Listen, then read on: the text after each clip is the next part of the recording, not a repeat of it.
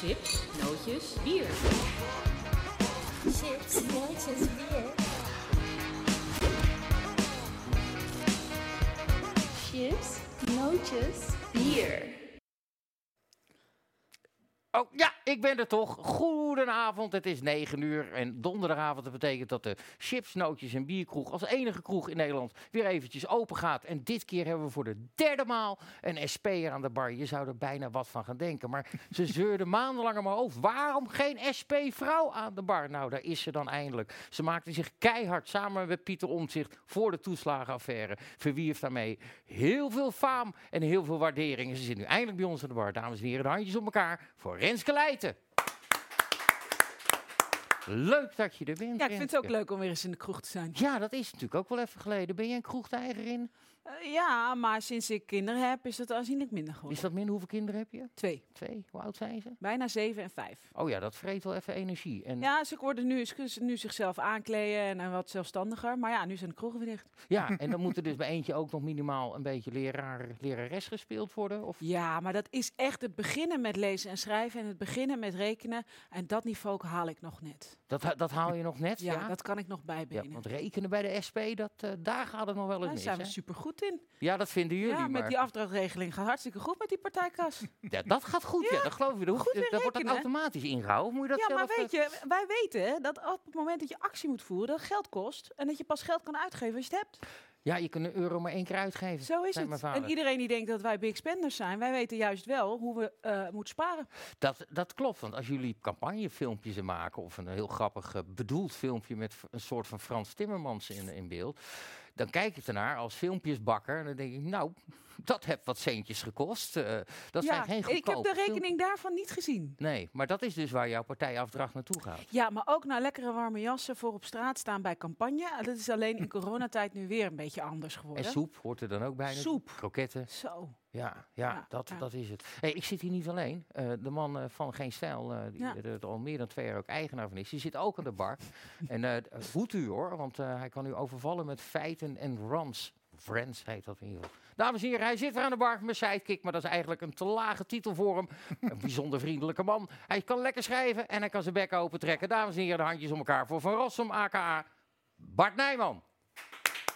Het is, gaat altijd iets minder dan. Dat, het, eh, dat, eh, Het is ook iedere week min of meer dezelfde introductie. Op een gegeven moment kun je gewoon zeggen, Bart, jij bent er ook weer. Ja, ja, dat zou, zou ik. ik- Nee, ik pas hem elke keer aan, Bart. Mm, Ja, echt wel. Oké. Nee, het zit tussen je oren. ja, echt. dan kan je het zien. Eh, zullen we even gelijk eh, erin gaan? eh, wil je eerst wat drinken? Spaarrood of zo? Ja, wil je? spaarrood hè? Bart, een alcoholvrij biertje. want Jij zit in je vegetarische januari. Ja. En ik weiger dat. Niet dat ik nou zo'n ontzettende alcoholist ben, maar alcoholvrij bier, dat gaat er bij mij niet in. Prima te doen hoor, tegenwoordig. Wat zei je? Prima te doen tegenwoordig. En Nou, zeker het blijft als, je, limonade. als je een tijdje geen, geen echt bier drinkt, dan smaakt dat spul gewoon echt gewoon uitstekend. Je moet het alleen niet combineren met echt bier. Als je het om en om gaat doen, dan, dan smaakt het nergens naar. Nee, maar dan heeft het ook weinig nut. Ja, Alsjeblieft. We knallen er eerst even in met het nieuws van de dag. Ja. En dat is toch wel eh, Lodewijk Asscher Mhm. die zijn verantwoordelijkheid neemt. Bart, neemt hij ook echt zijn verantwoordelijkheid? Ja, denk wel dat je dat kan zeggen. Ja. Met enige vertraging en met knarse tanden. En, eh, kiezen op elkaar, omdat hij de eerste is en de enige is. En omdat er een heel significant verschil zit tussen zijn aftreden en het mogelijke morgen aftreden van het hele kabinet. Mhm. Als het kabinet aftreedt, kan Rutte daarna fluitend die lijst nog steeds trekken naar de verkiezingen. En Asscher levert gewoon alles in wat hij heeft. Die heeft 29 zetels verloren met de PvdA. Is toch weer in die Kamer gegaan. Heeft vier jaar getrekt en ge- ge- getrokken en gesleurd om, getrekt, om die partij weer een beetje ertussen te krijgen. Best goed oppositie gevoerd, durf ik zelfs wel te zeggen, als bepaald geen PvdA-liefhebber. En dan op slag van verkiezingen, dan eh, is het toch eh, te laat voor hem. Ja, en zoals dat tegenwoordig gaat, lieve mensen, eh, breng je dat nieuws zelf naar buiten via de social media kanalen. We hebben daar een paar stukjes uitgepakt. We kijken eventjes naar Lodewijk Asscher deze morgen in stadje 1 alsjeblieft. Op dit moment staat met de toeslagenaffaire de politiek zelf en de politieke cultuur onder het vergrootglas. In mijn analyse is die affaire een voortvloeisel van tientallen jaren aan gestapeld wantrouwen.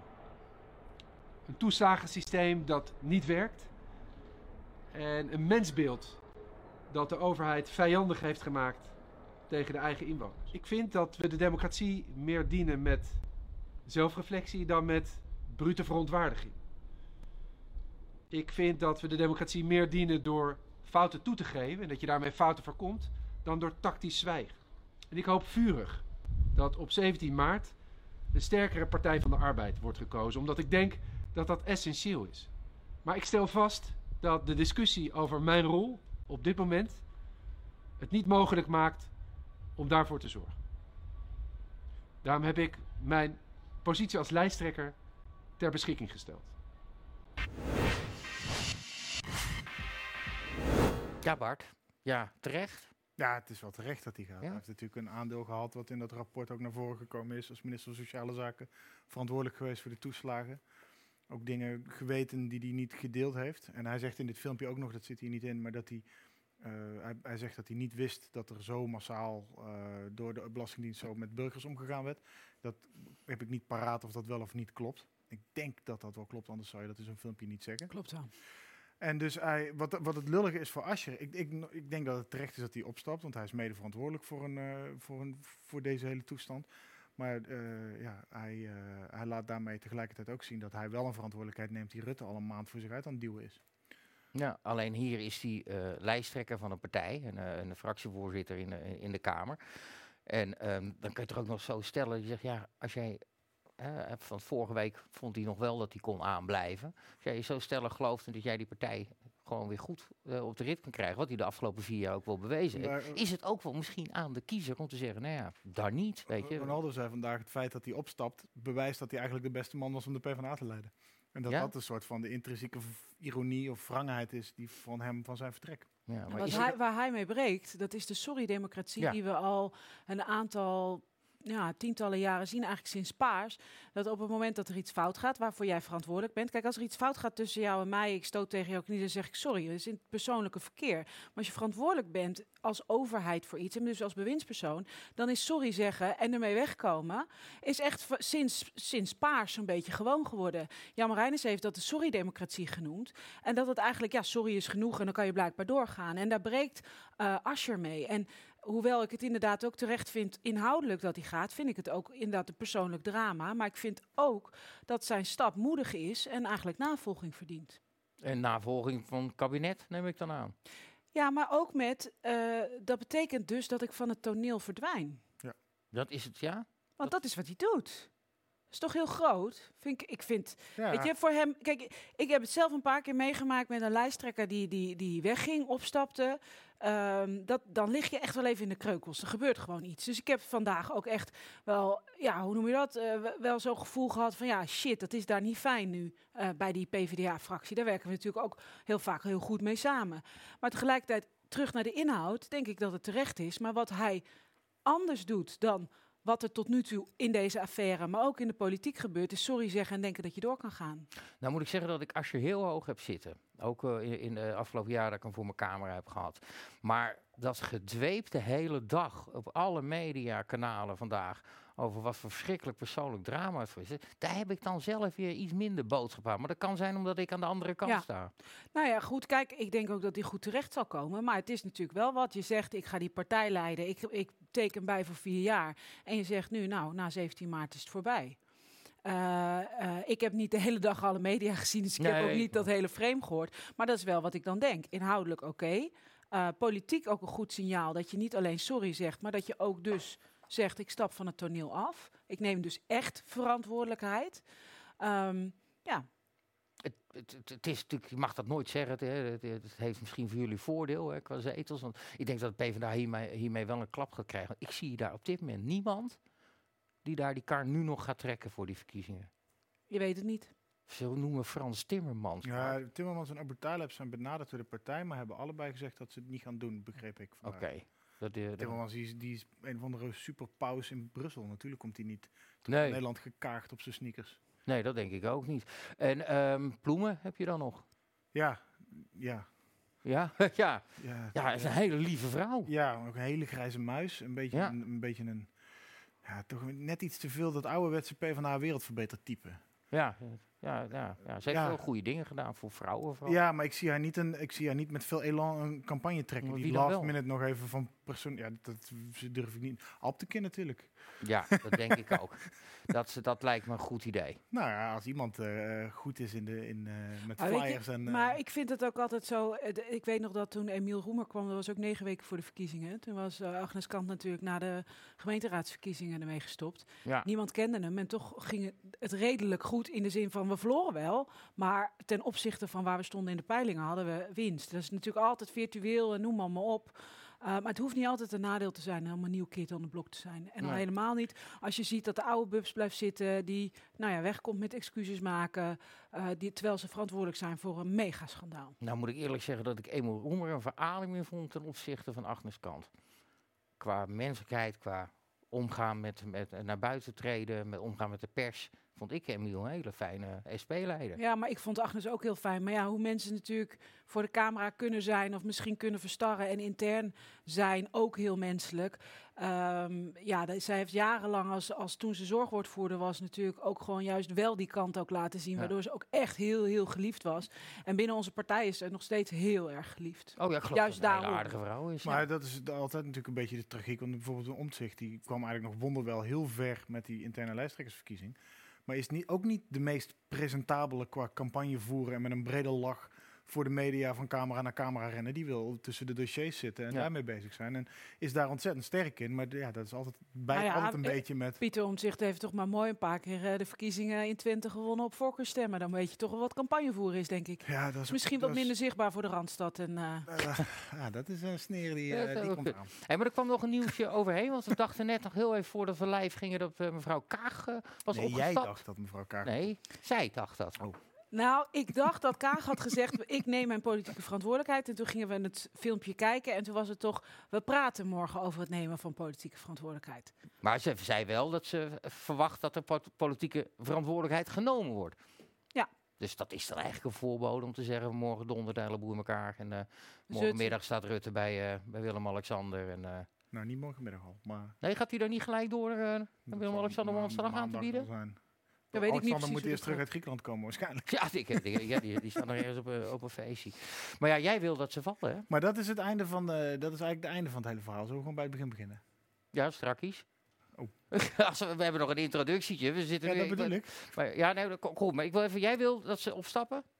Ja, ik wil niet per se dat ze vallen. Ik vind dat bij de, deze, uh, dit schandaal politieke verantwoordelijkheid hoort. En dat is in dit geval, treed je op door af te treden. Zeg je, dit kunnen we niet politiek voor onze verantwoordelijkheid nemen... dat de overheid zich tegen mensen heeft gekeerd.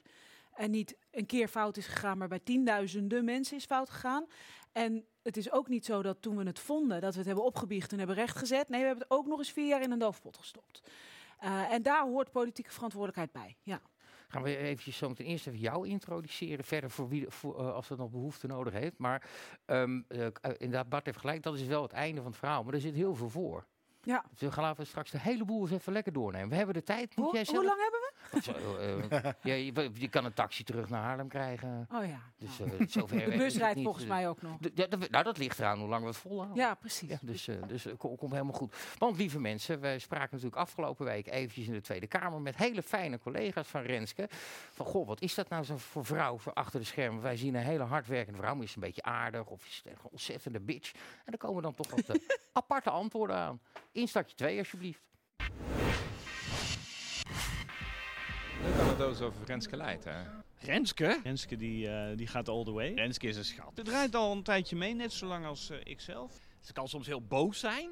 Renske is echt een van de hardste werkers die we hier hebben in Den Haag. Functioneel boos. Nee. Nee. Die domineert nu al maanden het politieke debat. Maar dat is ook zo mooi, hè? Want je ziet vaak mensen hier, de Kamerleden, die, die ja, die dan emoties gebruiken als een soort retoriek, hè? Als, als een soort onderdeel van het debat. Nee, Renske is boos. En als Renske boos is, ziet iedereen dat Renske boos is. En dan maakt het er ook niet uit. Als dit kabinet valt, uh, dan zou dat voor een groot deel te danken zijn aan Renske Leijten en Pieter Omtzigt. Wel eens wat leuks over Renske. Een leuke anekdote.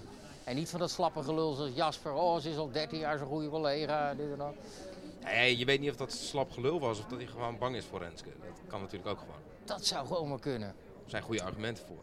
Ja? Want? Nou ja, je je hebt gezien als ze ergens de tanden inzet, dan, dan, dan laat ze niet los. Je wil natuurlijk voorkomen dat ze dat bij een van je collega's doet. Ja, doet ze dat binnen de fractie ook dan? Nee, dat proberen we dus juist te voorkomen. En lukt dat?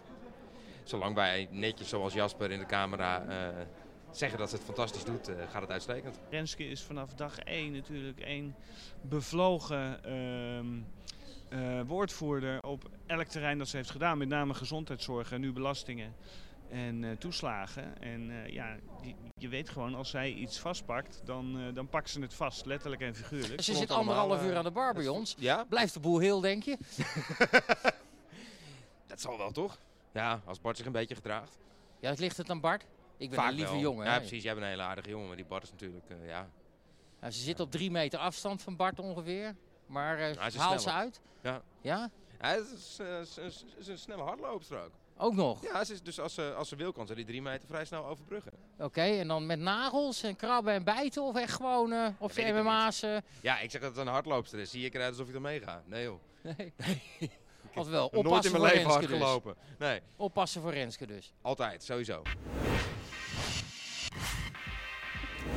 Ben je zo bozig? Ben je zo'n eh, harde tante?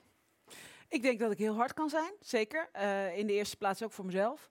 Eh, maar wat, dit, wat Ronald zegt, dat klopt wel. Ik, ik, ik, ik zal in het debat een grap maken als ik vind dat die gemaakt moet worden. Maar als het serieus is, dan, dan is het ook gewoon even serieus. Ja. Ja. En wie is nou van de... Nou, er zijn er nog meer bij de SP, maar wie is nou je maatje daar? Ik heb heel veel met Ronald. Ja? Ja. Minder en, met eh, Jasper?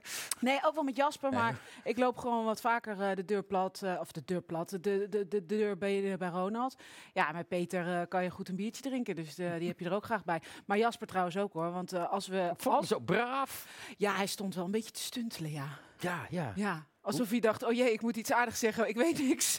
Nee, maar wat, wat, hoe is dat binnen de sfeer? Heeft, heeft iedereen ook zo'n rol? Want ik zie altijd wel een beetje dezelfde koppen van jullie naar voren geschoven worden. Gaan jullie lang, maar langs de camera's lopen en dan is het vaak Ja, dat raak. is helemaal niet zo gecoördineerd als dat het lijkt. Nee, ik denk dat er een aantal mensen zijn die niet bang voor jou zijn.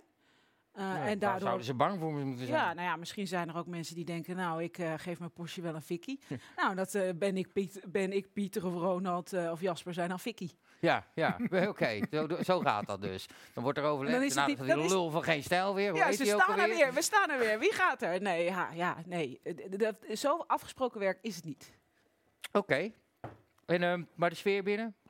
Bij jullie? Ja, die is wel goed, maar het is natuurlijk de laatste tijd ook gewoon heel raar. Want je komt in principe in de Kamer om je debat te doen en je gaat weer.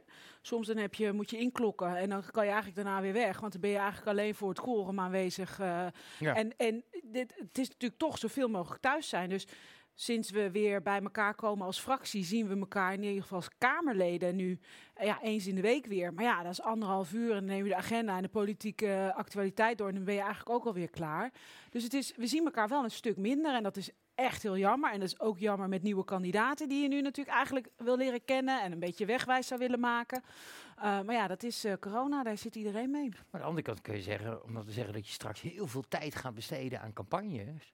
Het echt eh, de boer op. Dat gaat hem nieuw worden dit jaar. eh. Nee, niet de oldschool campagne inderdaad met de soep en eh eh dat langs is wel de een deuren. beetje des SP's. Ja, maar je kan natuurlijk ook digitaal langs de deuren. En eh, daar denken we wel over na. Van hoe komen we toch wel bij de mensen thuis, maar dan niet fysiek. En eh, dan proberen op een andere manier. AVG-wetgeving tegen, tegen dat soort grappen. Dat je, dat je niet ongevraagd bij mijn huiskamer Zeker, binnenkomt. zeker. Maar er zijn natuurlijk ook een hoop mensen die het wel prima vinden. Ja, maar zijn dat die- nou niet juist de mensen die al op jullie stemmen? Eh, nou, er zijn toch wel een hoop mensen die vinden bijvoorbeeld campagnes die we voeren interessant. En die laten dan toch gegevens achter. Of die zeggen, nou, je mag me wel een keertje bellen. Ja, dat zullen we dan natuurlijk wel doen. Dan wordt het zeg maar telefonisch canvassen. Ja, maar dat denk- doen we al een tijdje, telefonie. Dat is eigenlijk eh, een van de overblijfselen eh, die eh Ron Meijer nog heeft ingezet, een belteam. Maar het is heel, heel succesvol. Eh, en die kan je ook inzetten voor heel veel verschillende eh, zaken. En dat is ja, een goede beltool hebben, goed opslaan wie je wel en niet gebeld heeft. Het gaat niet meer met die lijsten en afvinken. Dat heb ik vroeger nog wel eens gehad. Want we moesten alle leden bellen in Groningen. En dan zat je letterlijk met de draaitelefoon nog dat te doen, bij wijze van spreken. Ehm, maar dat, dat werkt heel mooi. En dat kan je ook inzetten voor campagnes. We hebben toen met het eh, meldpunt van, eh, van de kinderopvangtoeslag ook gezegd... we maken een team en we bellen al die mensen die onze melding hebben gedaan... omdat die zo gruwelijk heftig waren. Maar er zijn mensen bijvoorbeeld rond een campagne zoals de zorg, eh, salarissen... En nou, die zeggen dan, ik ben wel geïnteresseerd in meer te weten van de SP. Nou, die gaan we dan bellen met z'n allen. En dat zijn superleuke gesprekken. En dat is anders dan dat je anders deed. Maar het is best heel functioneel. Als je een leuk gesprek moet hebben, noem je mij bellen. Of mijn opa, dat is ook lachen. Dan, eh, dan weet ik niet of het, eh, of het zo'n succes wordt. Nee, maar die laat misschien ook niet zijn telefoonnummer bij ons Oh, achter. mensen moeten echt een nummer achterlaten. Ja. Je, bent Ja. niet, je doet niet koude Nee. acquisitie. eh. Nee, dat, dat is nou juist waarvan jij ook zegt Ja, AVG. dat, dat, heeft alles te maken ook met zo'n zo'n commercieel bel niet niet register. ja, Nee, dat zullen we niet houdt. doen. Nee. Dat zullen we niet doen. Nee, dat hebben we allemaal strak geregeld. Je zult dit jaar in ieder geval ook niet zomaar een PvdA op je tuinpad vinden met een zijn handen. Nee, nee, zeker als je niet in ieder geval. Dus, eh, eh, die misschien juist wel. Ja, ja zoek je, naar je- je- je vergiffenis. hebt toch niks te doen zometeen. Eh nou, wat denk je er wel van de verkiezingen? Want het is bij jullie... Ik, altijd, ja, dan, we hebben het met Roemer gezien, dan schoot hij omhoog en dan zei hij weer wat stoms en dan was het weg. Nou, jullie hebben nu, ja, nee, maar dan schoot is weer, die piekte gewoon te vroeg.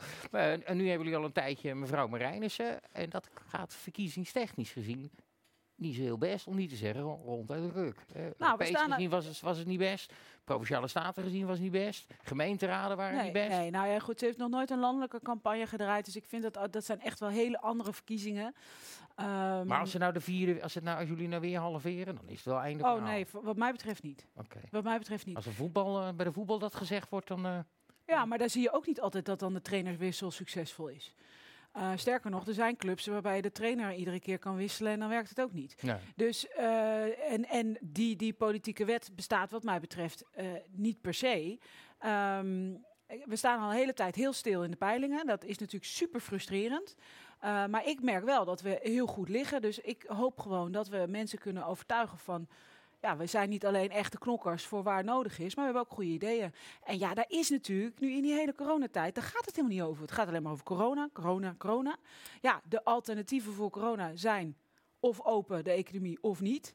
Eh, dus we, wij gaan natuurlijk proberen dat, dat, dat, dat die verkiezing ook nog over iets anders gaat. ja, zoals wie gaat die rekening betalen van al dat geld dat nu geleend wordt? Of en, eh, eh, wie gaat de toeslagenaffaire oplossen? nou, wat maak jij alvast eventjes dat bruggetje, zeg. Naar de toeslagen. Wat, wat fijn, wat een professional ook. Je zit er al 13 jaar, hoor ik Jasper van Dijk zetten. Nou, doe je heel goed. Volgende week weer.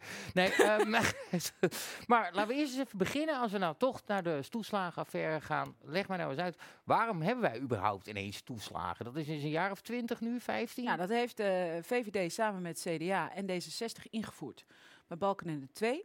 2005 hebben we Ja, en dat hebben we omdat zij het nodig vonden om de zorg te privatiseren. Waardoor de zorgpremies door het dak gingen. Ja. En dan moest je toch iets doen voor de mensen die dat niet konden betalen. Hoppa, daar was de zorgtoeslag. Ze vonden het nodig om de kinderopvang te commercialiseren. Daardoor konden heel veel gezinnen het niet meer betalen. Dus hoppa, een toeslag. En ze vonden het nodig om die huren vrij te geven. Waardoor heel veel mensen dat niet meer konden betalen. En dan bedachten ze een toeslag. Dit is een rechtsproject.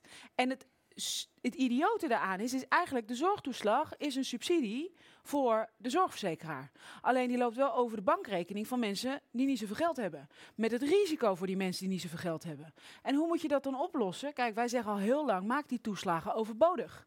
Dus zorg voor een inkomensafhankelijke zorgpremie. Die kinderopvang, Of die wordt verlaagde nu... belastingen. eh, nou ja, verlaagde belastingen hebben de mensen met de laagste inkomens dus niks aan. Ja, dat is waar. Eh, en die hebben nou juist die toeslagen. Kijk, je zal daar iets aan het minimumloon moeten doen. Dat vindt nu zelfs de VVD. Ehm, maar je zal ook dus de compensatie waarvoor die toeslag is... daarvan zul je die kostprijs naar beneden moeten brengen. De eh, kinderopvang, veelal in handen van eh hedgefondsbeleggers... die halen daar 6, 7 procent op per jaar. Dat is best een heel hoog rendement. En dat is dus wat, wat ouders dus krijgen voor de kinderopvangtoeslag... is eigenlijk subsidie voor die investeerders. Ja, Ik vind dat eigenlijk heel erg raar. En maak dan die kinderopvang voor een groot deel gratis. En zeker veel goedkoper voor de mensen die het niet goed kunnen betalen. Dan heb je die toeslag niet meer nodig. En dat is 13 miljard op jaarbasis, hè? Jezus. De toeslagen. Ja. Dus rondpompen van geld. En er is ook een enorm risico voor mensen dat ze iets fout doen. Het is één grote bron van schulden. Het is dus niet alleen in die fraude dat er dingen zijn, echt fout zijn gegaan. Maar ja, als jij een keer niet weet hoeveel je verdient en je verdient net iets te veel, kan je je hele zorgtoeslag terugbetalen. Of moet je je hele huurtoeslag Ja, terugbetalen. er zit gewoon een grenspunt. En als je daar een euro overheen gaat, dan... Ja, en dat proberen ze dan iedere keer wel een beetje aan te sleutelen. Eh, maar dat- pleisters wordt- plakken. Dat, Dat is wordt- pleisters dat plakken en het nog ingewikkelder maken. Waardoor, en, en wat er ook nog bij is, want laten we heel eerlijk zijn, toeslagenstelsel is extreem fraudegevoelig natuurlijk. Je geeft een toeslag voor de kosten die mensen nu hebben en je controleert hem pas na een jaar. Eh, of althans, dan weet je pas hoeveel je hebt verdiend en hoe- hoeveel recht je eigenlijk ook hebt op toeslag. En dan zitten die mensen lang weer in Bulgarije of in Turkije. Dat kan het geval zijn, of je hebt het niet goed ingeschat. Dus je moet eigenlijk kijken, hoe maken we het nou overbodig? En dat is, dan moet je dus terug naar de bron, naar die kinderopvang, naar die huren. Die moeten gewoon fors naar beneden. En als je al een vorm van huursubsidie wil, dan moet je dat misschien zelfs via de verhuurder doen, in plaats van dat Ja. je de bankrekening van mensen daarvoor misbruikt. Als we nu even kijken naar die zorgtoeslag. Hè, dat eh, dat Ja. kwam, na eerst kregen we een no-claim. Dan Ja. kreeg je 225 Ja. euro terug als je niet naar de dokter was Niet geweest. ziek was geweest. Die voelde ik nog niet zo, niet zo erg. Maar de crème, die, die zorgtoeslag. Hè, vroeger hadden we het ziekenfonds, dat was Maar inkomensafhankelijk. die zorgtoeslag was er altijd al. Die no-claim, dat was de voorloper van het eigen risico. Ja, oh, sorry. Ja, goed. Maar eh, uiteindelijk eh, eh, gaat er nu het CAK bepalen of jij een chronische ziekte hebt of wat. En dat je een tegemoetkoming krijgt. Ja. Dat is dan, gaat dan over een paar tientjes aan het eind van het jaar die je dan krijgt. Maar eh, eh, dat is toch werk hebben en werk houden. Als jij dit inkomensafhankelijk zou maken, dan hoeft toch dat hele CAK daar niet meer naar te kijken. Nu zit daar weer een club van Met- 50, 60 Ja, man Ja, daar geld uit te geven. Dat je het ook rechtstreeks kan doen. En voor mensen die chronisch ziek zijn, ieder jaar opnieuw dat aantonen en die formuleren. Want oh, oh, oh, je zal maar profiteren. Waardoor je iedere keer met je neus op de feiten wordt gedrukt dat je inderdaad een stumpert bent. Terwijl die mensen, ja, oké, ik ben chronisch ziek, maar ik probeer ook wat van mijn leven te maken. Ja. Ik word iedere keer weer in die hoek Er geduwd. zijn zelfs verhalen van mensen met het syndroom van Down die ieder jaar opnieuw moeten aantonen dat ze nog steeds het Ja. syndroom van Down hebben. Ja, mensen die een invalide parkeerkaart nodig hebben omdat ze een been missen, die dat ieder jaar opnieuw moeten aantonen. Nou, dat been groeit echt niet aan. we, he- we hebben ons gek georganiseerd met dat soort dingen. Maar wat, wat het dus. eh, kijk, dit, dit gaat dan weer over een tegemoetkoming die je hebt voor hoge zorgkosten. Daar is dat CAK voor. Eh, maar ook daarvan hebben we natuurlijk gezien dat we steeds meer uit het basispakket zijn gaan flikkeren. Mhm. Ja, daar hebben chronisch zieken toch wel veel, wel veel ongeluk van. Dus dat plakken we weer een pleister aan de andere kant. Eh, terwijl als je zorgt dat het basispakket goed en fatsoenlijk is, dan hoeft dat niet. Als je maar regelt dat die huisarts gewoon goed in positie en de tijd heeft om eh, iemand de, de medicijnen of de doorverwijzing te geven die je nodig hebt. Dan heb je ook geen eigen risico meer nodig. En die huisarts, ja, die heeft steeds minder tijd. Die gaat steeds min eh, over dingen. Of ja, dan, dan wordt dat niet meer vergoed. Dus dan hoef je er niet meer voor naar de huisarts. Eh, en ja, dan moeten mensen vooral niet profiteren daarvan. Terwijl als je chronisch ziek bent, dan ben je niet uit te profiteren. Dan ben je uit op gewoon fatsoenlijk je leven kunnen leiden met die chronische ziekte. Ja. Maar het is iedere keer weer ja, doen. En dat is die, die participatiesamenleving, waar ik, wat ik nauwelijks uit mijn strot kan krijgen. Dat ging goed. Dat- Ja, toch wel hè. Ja. Maar ehm, eh, het, het, het, het, indi- het individu is verantwoordelijk voor zijn eigen geluk, dat vind ik ook. Maar als je niet gelukkig bent, dan is het ook een beetje je eigen schuld. Dat hè. Eh, terwijl, eh, laten we gewoon wel wezen. Als jij ziek bent of als jij tijdelijk geen werk hebt en je hebt steun nodig, of je woont in een huurhuis en je kan dat niet goed, niet goed betalen. Wat is er gek aan dat je dan hulp kan krijgen? We leggen ook snelwegen aan voor iedereen, terwijl ik er nauwelijks op rij. Vind wel logisch, want we hebben ze nodig. En zo zou je er ook naar kunnen kijken. Dan maak je het veel minder het wantrouwen. Kan je heel veel bureaucratie weghalen. En ja, dan moet je natuurlijk wel daar waar er geprofiteerd kan worden, zorgen dat het niet kan. Dus de regelingen niet zo fraudegevoelig maken. En daar waar er gefraudeerd wordt, echt hard optreden. Maar dan wel op basis van, van, van bewijs. Maar als jij ook, hè, want jij hebt het heel het is fraudegevoelig. Ja. Nou, dan komen we langzaam natuurlijk bij die hele toeslagenaffaire ook terecht. Gaat het? Ik verslik me. Ja, ik ben Ja. toch een beetje zenuwachtig. Ben je zenuwachtig Ja, ik zit mij? Ja, aan de bar en dan weer chansen. Ja, het is toch Zit je chansen met Bart? of met mij? Want Nou ja, ik niet ben, door. nee, ik, Nee, ik, ik probeer me eruit te redden. dat ik, ik, morsen. vrouwen, dat is niet zo... eh, Neem een slok. succes. maar naar die toeslagenaffaire, want jij zegt het, het is fraudegevoelig, maar die mensen waar het nu om gaat, daar zal 99,9% helemaal nooit de intentie hebben gehad om te frauderen, ook niet gefraudeerd hebben, eh, maar gewoon Soms is er met hun gegevens gefraudeerd door iemand. Want door een bureau of zo. ja, dan? ja, dat is wel gebeurd. Maar eh, dan werd jij daarop aangepakt. Want dat zien we natuurlijk wel. Hè. De, de, de, op het moment dat je een, een systeem maakt en dat is ingewikkeld. En eh, mensen zeggen van ja, ik moet mijn kind, ik moet werken, ik moet mijn kind toch ergens doen. Ik ken wel iemand die je helpt. En dat is dan toch iemand die jou. Die is bijvoorbeeld best wel wat DigiD-fraude geweest. DigiD was een goed idee, want dan kan je digitaal Ja. inloggen. Maar in het begin hadden ze dat zo ruk ingeregeld dat je bijvoorbeeld je pagina nooit verliep. Nu verloopt die na verloop van tijd als je niet actief bent. Maar dat was toen niet zo. En er zijn bureaus geweest die zeiden: kom dan maar bij mij invullen. Dan vullen wij in hoeveel kinderopvangtoeslag. er- En dan sloten ze de pagina, Ja, maar ja, die klikten ze niet weg. Maar ze legden hem beneden neer. En als die ouders dan weg waren, dan openden ze hem weer en dan vroegen ze maximaal kinderopvangtoeslag aan. En er zijn ook bewijzen van dat, dat, dat centra dat gedaan hebben. Gewoon met Maar omdat- IP-adressen. Maar omdat eh, het individueel is, een kinderopvangtoeslag, wordt jou dat verweten dat een derde dat heeft gedaan. En dan hadden ze dus wel fraude in het vizier, maar dan is opsporing en bewijzen heel erg moeilijk. En als je dan toch die toeslag kan afpakken, ja, dan heb je je cash alweer binnen, dan heb je je targets gehaald. Maar dan waren die gezinnen wel in het ongeluk gestort. Wat werkt het met target bij de Belastingdienst? Ja. Dat is ook, dat klopt toch ook niet?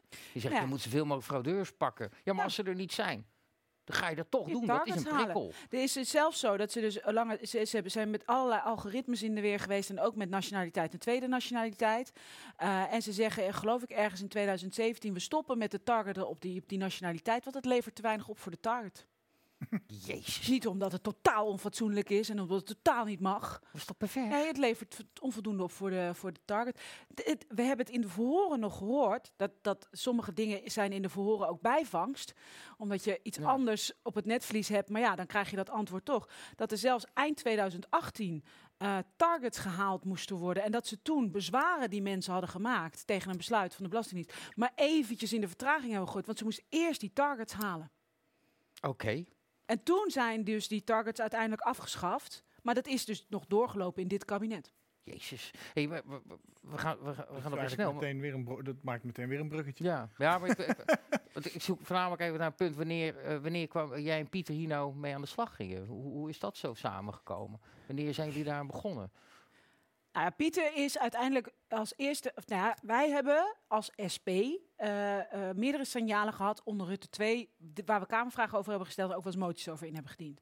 Daar kregen we nooit antwoord op en dan wordt er gezegd: nee, er is niks aan de hand. En dat is heel moeilijk, want dan denk je: ja, ik heb hier mensen. En dat, dat is toch totaal onrechtvaardig dat die zo in, het, in, in, in, in de vernieling worden gestort. Maar je krijgt geen antwoord wat er aan de hand is. Nou, toen kwam er een rapport van de Nationale Ombudsman in 2017. Die zei, hier heeft de, overheid, en dat ging over dat Eindhovense gastaudiobureau, heeft hier echt onfatsoenlijk gehandeld. Dit moet rechtgezet worden. Dat deed de regering niet. En daar is Pieter Kamervragen over gaan stellen. En die, eh, journali- of die, die advocaat die heeft hem daar toen ook op gewezen. Eh, op een gegeven ogenblik ontstaat er dan allerlei. eh de, er komt wel meer. Er, kwa- er kwam een WOP naar buiten en er waren journalisten mee bezig. Dus dan word je eens om iets gevraagd. Het zei, toen had ik er ook op gereageerd. Ik volg kamervragen die andere mensen op mijn terrein stellen, natuurlijk ook. En toen werd er zo'n beetje gespind. Ja, maar dat doet Pieter om zich alleen maar een beetje oppositie te voeren. En toen dacht ik, ja, wacht even. Hier is echt iets aan de hand. Eh, dan ga ik ook wel kamervragen stellen. En dus in het begin deden we het een beetje langs elkaar heen. Ehm, en in de zomer 2019, toen we maar niet te horen kregen om hoeveel mensen gingen toen, toen heb ik gezegd, nou dan beginnen wij gewoon een meldpunt. Daar is de SP goed in, dat, dat is onze manier van, van werken. Krijgen we de informatie niet van de regering, halen we hem zelf wel op. Ja, en daar kwamen zo snel meldingen uit dat het veel breder was dan alleen die Eindhovense zaak. Of alleen de tijd, want dat zei Menno Snel toen. Ja, tussen 2013 en 2016 is het een beetje misgegaan. We zijn het aan het inventariseren. Maar ja, ik kreeg meldingen uit 2008, uit 2011. En toen ben ik dat gaan ontrafelen. En dat is uiteindelijk ja, de verbreding van de toeslagenaffaire. Ik ben gaan actie voeren met die ouders. Toen zijn Pieter en ik al meer gaan schakelen van... hé, hey, we moeten iets doen. Want ik kwam er toen bijvoorbeeld ook achter dat die invorderingen doorliepen. Dus die mensen hadden nog steeds loonbeslag. Hun auto werd langs de kant gehaald. Toen hebben we dat samen hersteld. Of dat dat stilgelegd werd bij een belastingplan. Ja, en toen werden we op een gegeven ogenblik eh, samen heel hard aangevallen. Eh, en werd onze positie ter discussie gesteld. Ehm, dat was bij de procedurevergadering waarop, omdat wij een notitie hadden laten maken over de strafrechtelijke kant van deze zaak. Eh, ja, en op het moment dat je samen wordt aangevallen, dan ga je samen verdedigen. En ik denk dat daar het echte verbond geklonken ge, Daar hebben ze zichzelf in de voet geschoten daar. dus. Ja. Een beetje. We hebben Pieter natuurlijk ook even om een reactie gevraagd. En die heeft mooie woorden over jou. Dus we Oh. kijken even naar instartje 3 alsjeblieft. Leuke anekdote over Renske Leijt, hè? Renske is echt een van de hardste werkers die we hier hebben in Den Haag. Ehm, en die heeft ook echt eh, uitstekend contact met al die ouders opgenomen. En er wordt in Den Haag heel vaak op neergekeken van contact met burgers. Maar juist doordat zij ehm, dat zwartboek geschreven heeft met die honderden ouders, daar kwam ontzettend veel informatie uit over wat de Belastingdienst eigenlijk gedaan had. Dus de, de, informatie die wij niet van de regering kregen, en ik iedere keer maar weer vragen stellen, meer vragen stellen. En toen dacht de Renske, ja, maar dan kan ik het ook van de andere kant krijgen. En die had eigenlijk een beter overzicht over wat er gebeurde op een gegeven moment dan de staatssecretaris zelf. Hier wordt heel vaak in Den Haag gezegd, je bent populistisch als je met mensen bezig bent, maar ik denk dat je het juist doet omdat die mensen in de problemen zitten. En dat liet ze zien, en niet alleen theoretisch, maar ook met een heel team mensen. eh, om die mensen één voor één ook eh, te helpen. En dat is heel intensief. Maar daarmee werd ook veel meer duidelijk ehm, hoe al die mensen het stempeltje fraudeur kregen. Want dat vertelde de regering niet. En vooral dat stempeltje fraudeur in hun dossier, dat, is, dat vernietigt je leven. Daardoor raak je baan kwijt als ambtenaar. Of daardoor kun je geen huurhuis vinden. Of je krijgt geen betalingsregeling van de Belastingdienst. Alleen werd die mensen niet verteld. Er zijn meer dingen die we met Renske gedaan hebben. Ik heb, eh, ben samen met haar rapporteur op het gebied van, ehm, eh, van openheid in de Europese Unie. Dus ehm, het is ons samen gelukt. Allebei een beetje activistisch. Ik de wat rechtse, rechtse parlementen, zij de wat linkse parlementen om een gezamenlijke verklaring van meer dan 20 parlementen in de Europese Unie te krijgen. Dat ze wat meer openheid moeten betrachten. Want wij kunnen op dit moment niet controleren wat onze ministers in Brussel doen. En dat constant te duwen, ja, dat is, eh, dat is heel leuk om te doen. Dat vinden we allebei leuk. En, eh, ja. Ja, Pieter Omtzigt zegt, jij ging het eh, toch op, op een andere manier doen. Jij ging rechtstreeks contact zoeken met, eh, met de ouders, met de mensen waar het om Ja, ging. ja. En ze vertrouwen. Eh, En zij moest ook jou vertrouwen natuurlijk. Want Ja, ik kan ja. Als iemand van de regering binnenkomt wandelen, dan denk ik, nou... Dat is niet van de Nee, Nee, nee, de maar regering, voor, voor, formeel, voor veel mensen is de politiek de politiek. En ehm, nee, zeker. En ik weet nog dat ik het zwartboek maakte en ook presenteerde. En toen wilde ik ook heel graag Pieter erbij hebben, maar dat lukte toen niet. Maar de staatssecretaris kwam toen wel. Toen had ik al die ouders die we ook dus die in dat meldpunt zaten en die we ook hadden gebeld, heb ik ook uitgenodigd. Ik, ik wist niet hoeveel er zouden komen. Dus ik had eh, een zaaltje in Den Haag en ik had ook de medewerkers van de SP-fractie gevraagd van ja, kom maar. Stel nou dat er niemand komt, dan doen jullie gewoon alsof je publiek zijn. Oké. Maar die stonden allemaal en de stoelen moesten erbij. Want het waren heel veel ouders. Hoeveel heb je het dan over? Nou, ik denk een stuk of 60. En Oké. dat vond ik wel veel, hè? Voor een maandagmiddag, een uurtje in Den Haag. Mensen uit Twente, hele blubs uit Rotterdam. Ja, en die kwamen daarna naar mij toe en die zeiden: Mevrouw Leijten, we zijn super blij dat u dit doet, maar dit kan het niet zijn. U moet naar Rotterdam komen. Dus ik zei, nou natuurlijk, hier heb je mijn nummer, nodig me maar uit. Ja, en daar zeiden ze, willen actie voeren. De boeren waren toen heel veel actie aan het voeren. Dus ze zeiden, we gaan trekkers huren en dan gaan we de, de belastingdienst binnenrijden. Dus toen zei ik, nou, volgens mij hoef je geen geweld te gebruiken als je gewoon je verhaal vertelt. Nou, toen hebben, ze, hebben, hebben we een beetje gekeken van wa- wat wil je dan? Nou, wij willen eigenlijk weten waarom we fraudeur zijn. Nou, dat is een simpele vraag, toch? Mhm. Waarom zou een overheidsinstelling die niet beantwoorden? Laten we dat dan met z'n allen gaan vragen. Ja, toen kregen ze die dossiers. Ja, en toen werd alles wel eh, een beetje op dat moment geschiedenis. Want het werden toen die zwartgelakte dossiers. Maar er stond natuurlijk ook heel veel wel in. Toen vonden we ook de zwarte lijst. Toen vonden we van alles. Kregen heel veel ouders kregen een gesprek met de Belastingdienst. Want het was dan, eh, ja, je kan niet zomaar een dossier sturen zonder een gesprek. spelverhaal kwam daaruit. Ja, dat is nog weer van later. Uh, maar toen, zeiden die ouders, ja, maar dan moet ik opeens naar die belastingdienst. Kan je met me mee? Dus eh, toen hebben we zoveel mogelijk met een groepje mensen geregeld dat er altijd, voor wie dat wilde, iemand meeging. De SP. ja, ja, eh, wat mensen van lokaal, eh, wat mensen van de fractie. Eh, en waren ook mensen die hadden een eigen advocaat of die namen hun zus mee. En natuurlijk prima, even goede vrienden, hoeft niet via ons. Ja, en toen heb ik, eh, het, nou ja, eerder al, maar toen is dat verdriet mij zo duidelijk geworden. Maar ook, weet je, ik, ik zat in een gesprek met ouders die ik ja, dat zijn gewoon vrienden geworden. Weet je, dat is misschien raar om te zeggen, omdat ik kan iets voor ze regelen en zij zijn ergens hè, eh, tijdje afhankelijk geweest voor wat ik potentieel voor ze kon doen. Maar het zijn echt wel vrienden geworden. Ik was ook nog op hun verjaardag. En sterke mensen weten het goed te vertellen, hebben verantwoordelijke banen. Maar op het moment dat ze tegenover die belasting dienst zaten, in die kantoortjes. Weet je, aan de ene kant van de balie zit dan de, de dienst, aan de andere kant zit dan de ouder. Zo gemaakt dat op het moment dat er iets is, dat je snel kan worden afgevoerd. Weet je, alleen al in die setting is het totaal, het totale Ja, afstand. wat laat zien dat de overheid Ja, banger en, dat, dat zij, en dat ze ook weg kunnen vluchten, hè, want ze kunnen dan naar hun kantorenkant en je hebt dan de publieke kant. Dat ik al dacht van, nou, dat is ook raar hier. Maar ik heb gewoon gezien hoe dus hele krachtige, verantwoordelijke mensen met een goed, eh, ja, met kinderen die ze opvoeden, eh, tegen, tegen die financiële weerwil in gewoon overeind bleven, hele kleine muisjes werden ten opzichte van die belastingdienst. En dat die belastingdienst, dan we zien dit en we zien dat en u heeft nog die schuld. En dat ik echt dacht, wow, hé, dit gaan we niet meer zo doen. En eh, ja, dat, ja, er is toen, ik heb toen gewoon met tegen hun gezegd, wij helpen jullie tot het einde. En wij, dat ben ik, maar natuurlijk ook de SP. En ja, die waren ook, hadden toen die kerstactie ook georganiseerd voor die ouders. Iedereen die het zag en iedereen die het hoorde, die zag ook van hoezo zijn deze mensen nooit vertrouwd?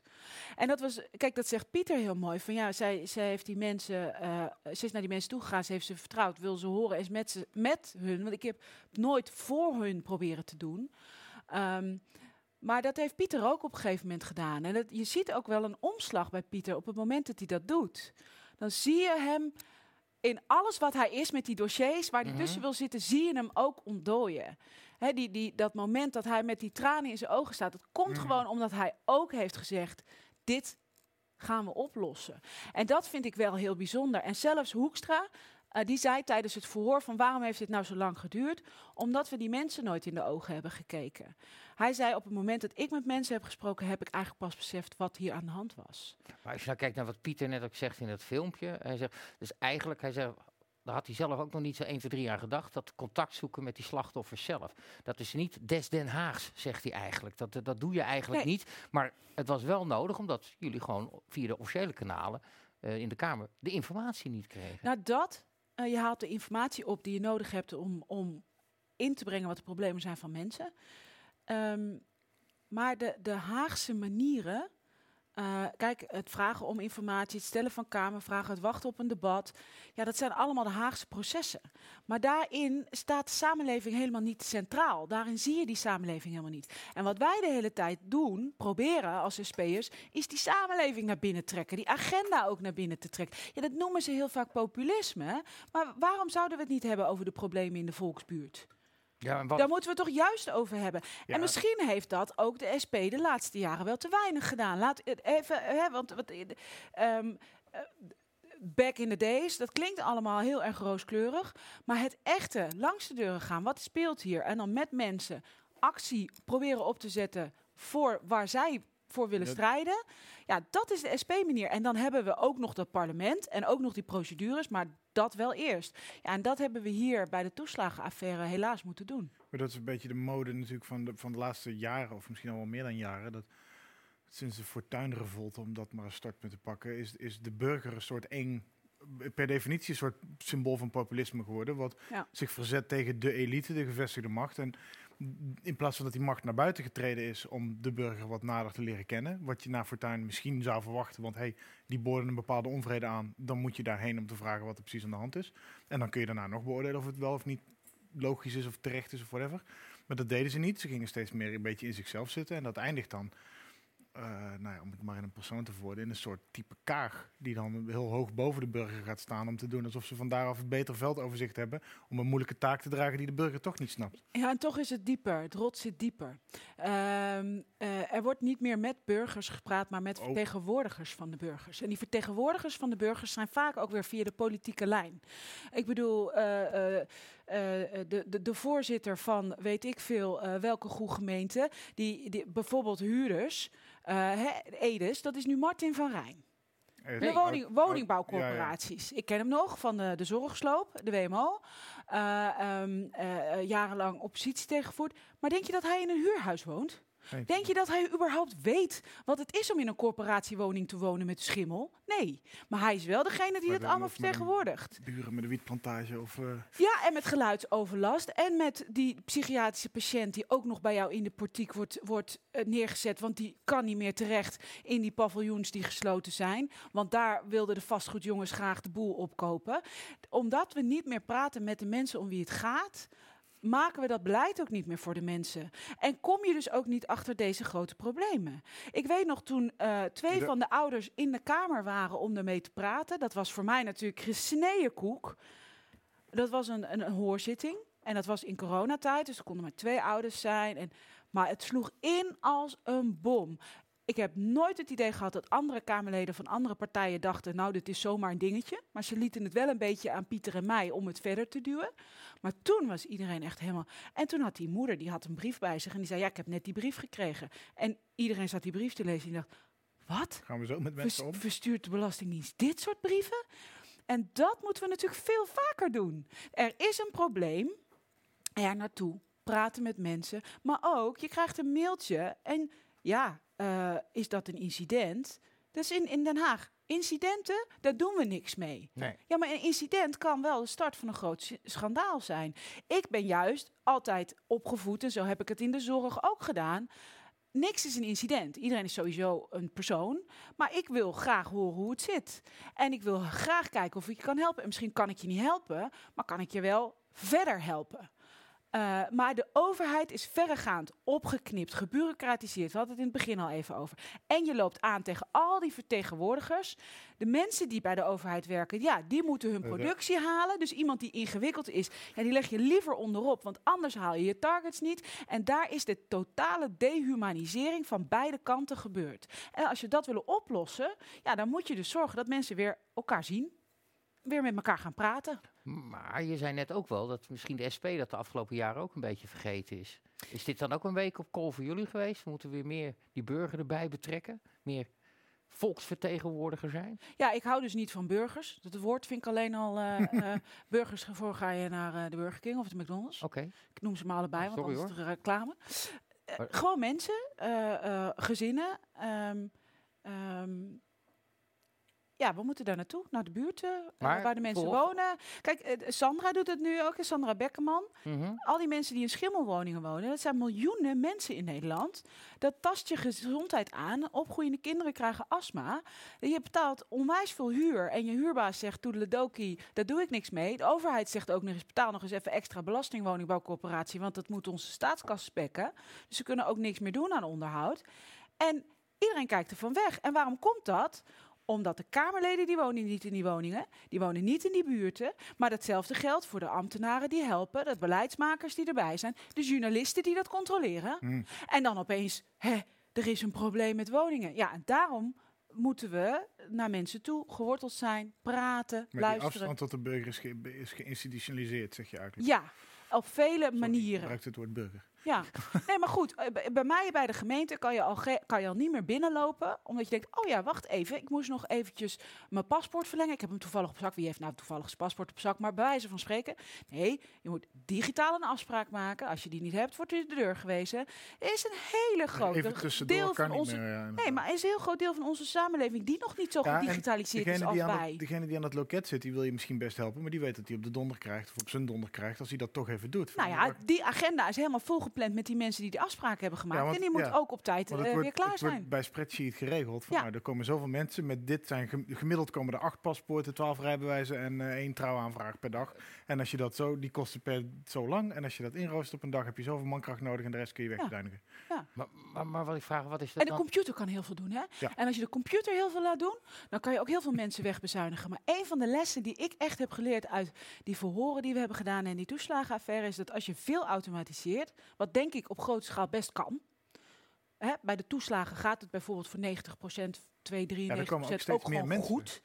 Maar dat gaat gewoon goed, hè, nog los van dat ik van het toeslagensysteem af wil. Maar voor die 7% dat niet goed gaat, die dus een bezwaar maakt, die dus niet in het systeem veel, vast. 7%. Ja, zeker omdat het om miljoenen gaat Als het natuurlijk. nou 0,7% was, kun je nog denken, ja, foutmarge van minder dan een procent. Maar als je de mensen wegbezuinigt die de, die de mensen die uit het systeem vallen moeten Opvangen. behandelen, Of- opvangen, ja. dan krijg je een systeem van de computer zegt nee, sorry, En ik dan kan je krijg niet je meer een helpen. backlog waar je op een gegeven moment niet meer overheen komt natuurlijk. En dan krijg je achterstanden van bezwaren van vier jaar die je niet behandelt. En als je dat de Kamer dan al lekker niet vertelt, ja, dan kan die ook niet ingrijpen. Het is een beetje vergelijkbaar ook wat je nu heel veel hoort over hè, mensen met een bijstand die een, een, een tas boodschappen krijgen of een, een tientje voor de kinderen voor zakgeld en de, en de hele donderse boel moeten gaan inleveren en boetes moeten betalen. Nou, Daar is ook elke vorm van menselijkheid verdwenen. Ja, en daar, daarin zie je hetzelfde. De wet, dat, zoals bij de toeslagen, de wet is snoeihard. Dat, dat, dat, dat kan je zeggen, dat is de schuld van het parlement. Hè? En, en de medewetgever heeft daar niet gekeken naar de menselijke maat. Maar dat heeft ook te maken gewoon met, maar ja, we hebben een meerderheid toch op rechts die zegt van huppatee, zo streng mogelijk.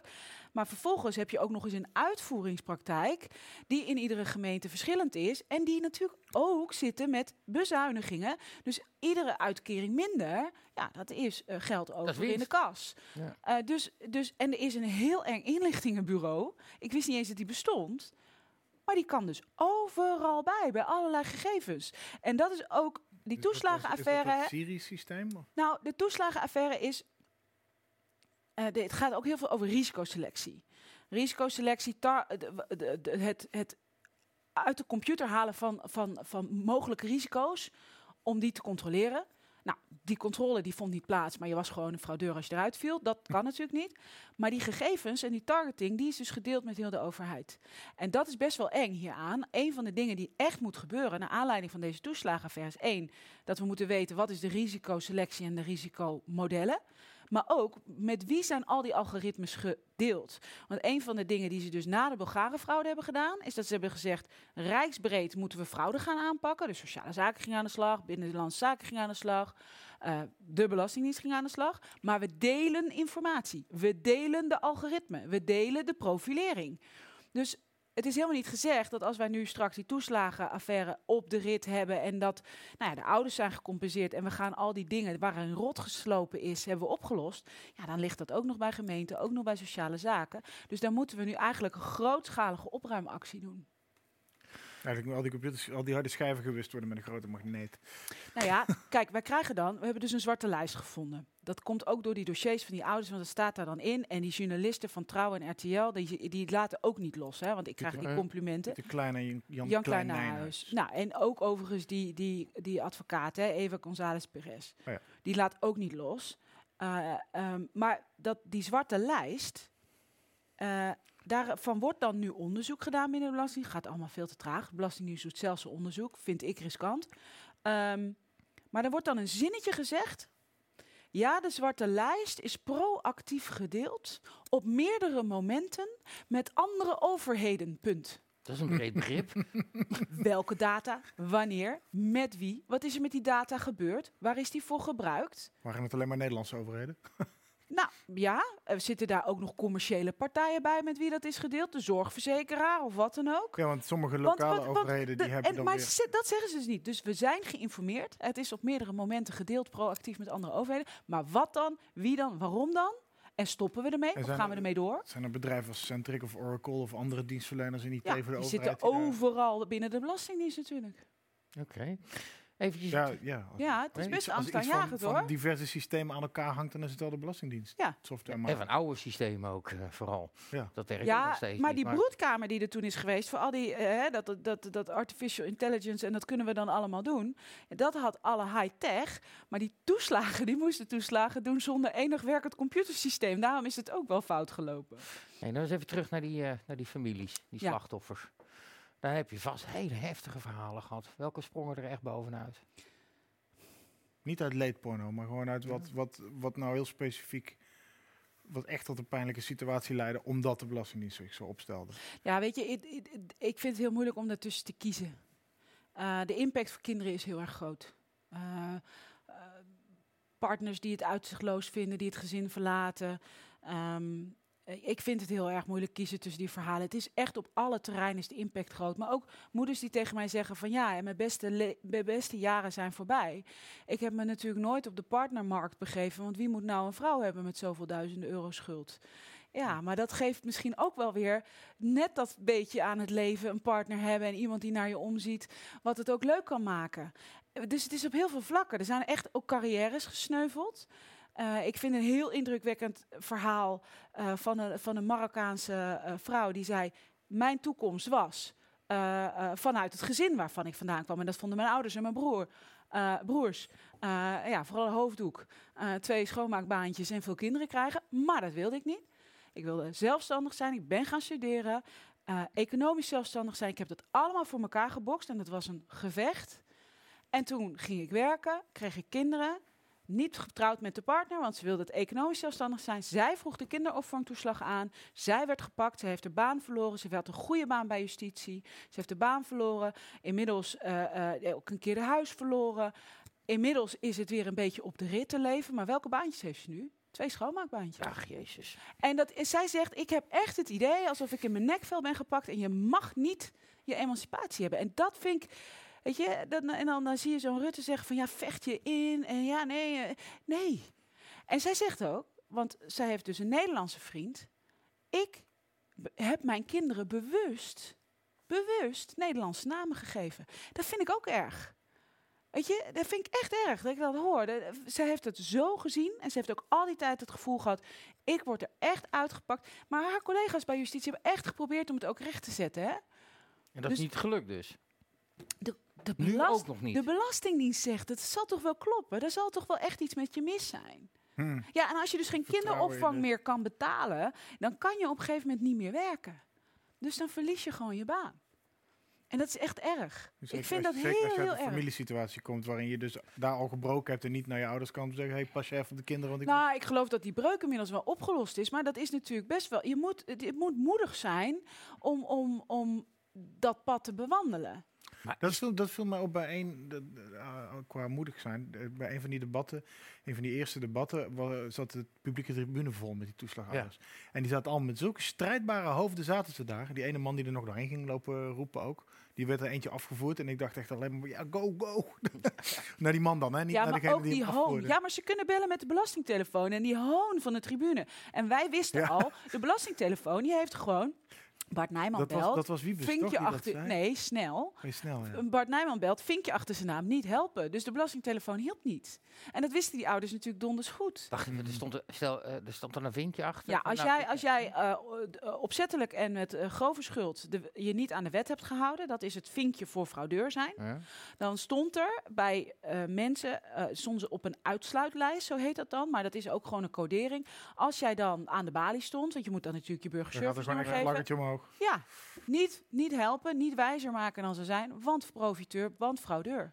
En dat was dus ook bij de dan, ja, Belastingdienst. maar dat is dus gewoon, dan gaat dus bij je eerste stap om je recht te halen, gaat, de deur al, gaat het hek al omlaag. Ja, en als je dus een bezwaar indiende en je had dat, dat, dat, dat stempel, dus had of die, die, die fraudeonderzoeken die niet deugden, hè, dus dan was die, die organisator van die mogelijke fraude, die werden, pakte ze niet aan, maar alle klanten.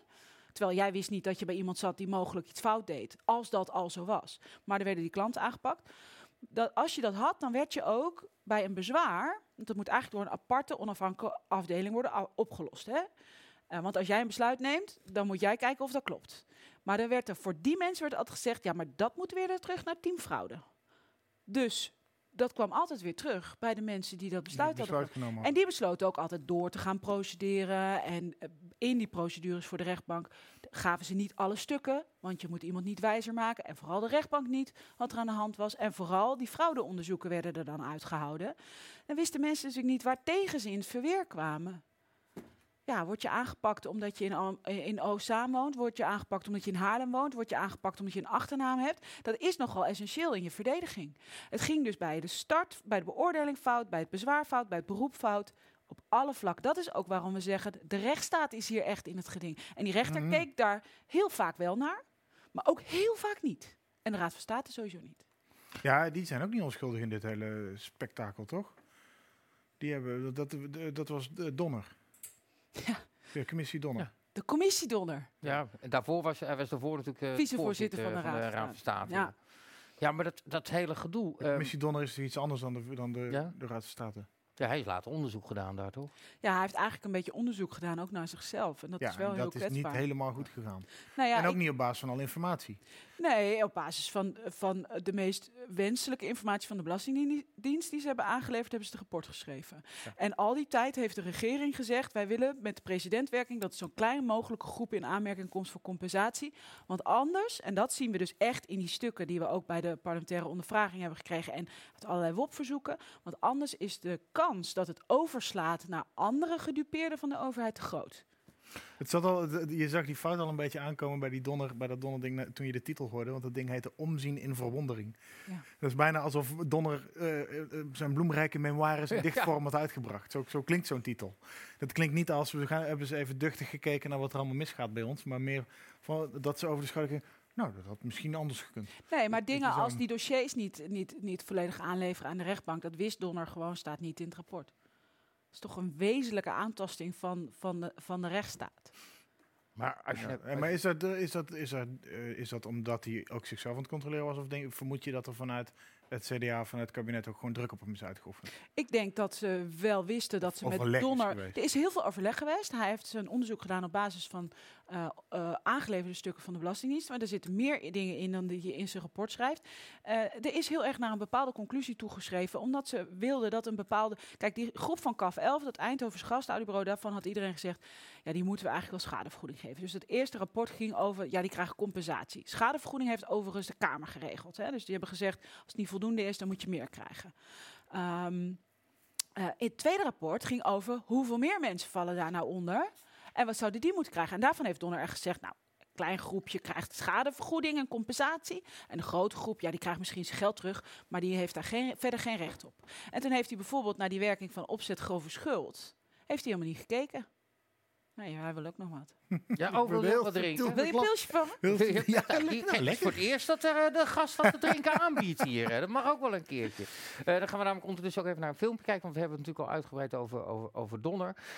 Er komt natuurlijk steeds meer informatie waarvan jullie elke keer weer denken... waarom wisten we dit niet? Waarom was hij zwartgelakt? Waarom krijgt de Kamer dit? Waarom worden wij niet geïnformeerd?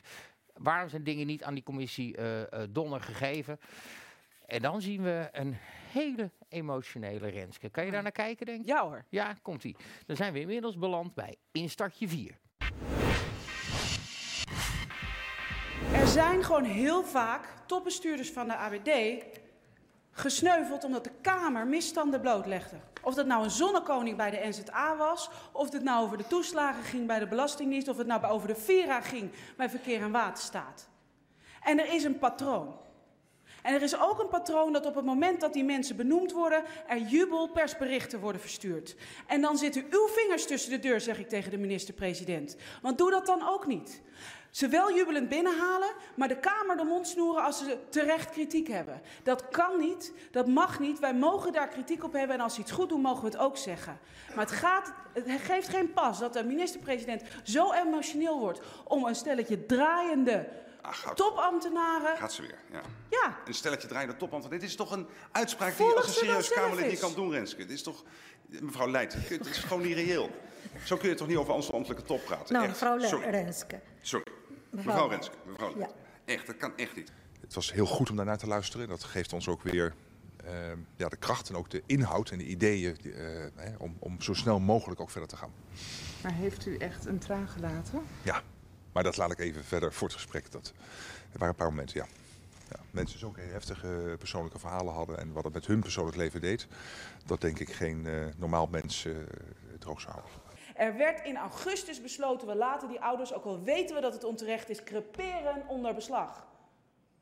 Voorzitter, gekker moet het niet worden. En dan is deze notitie niet naar de commissie Donner gegaan.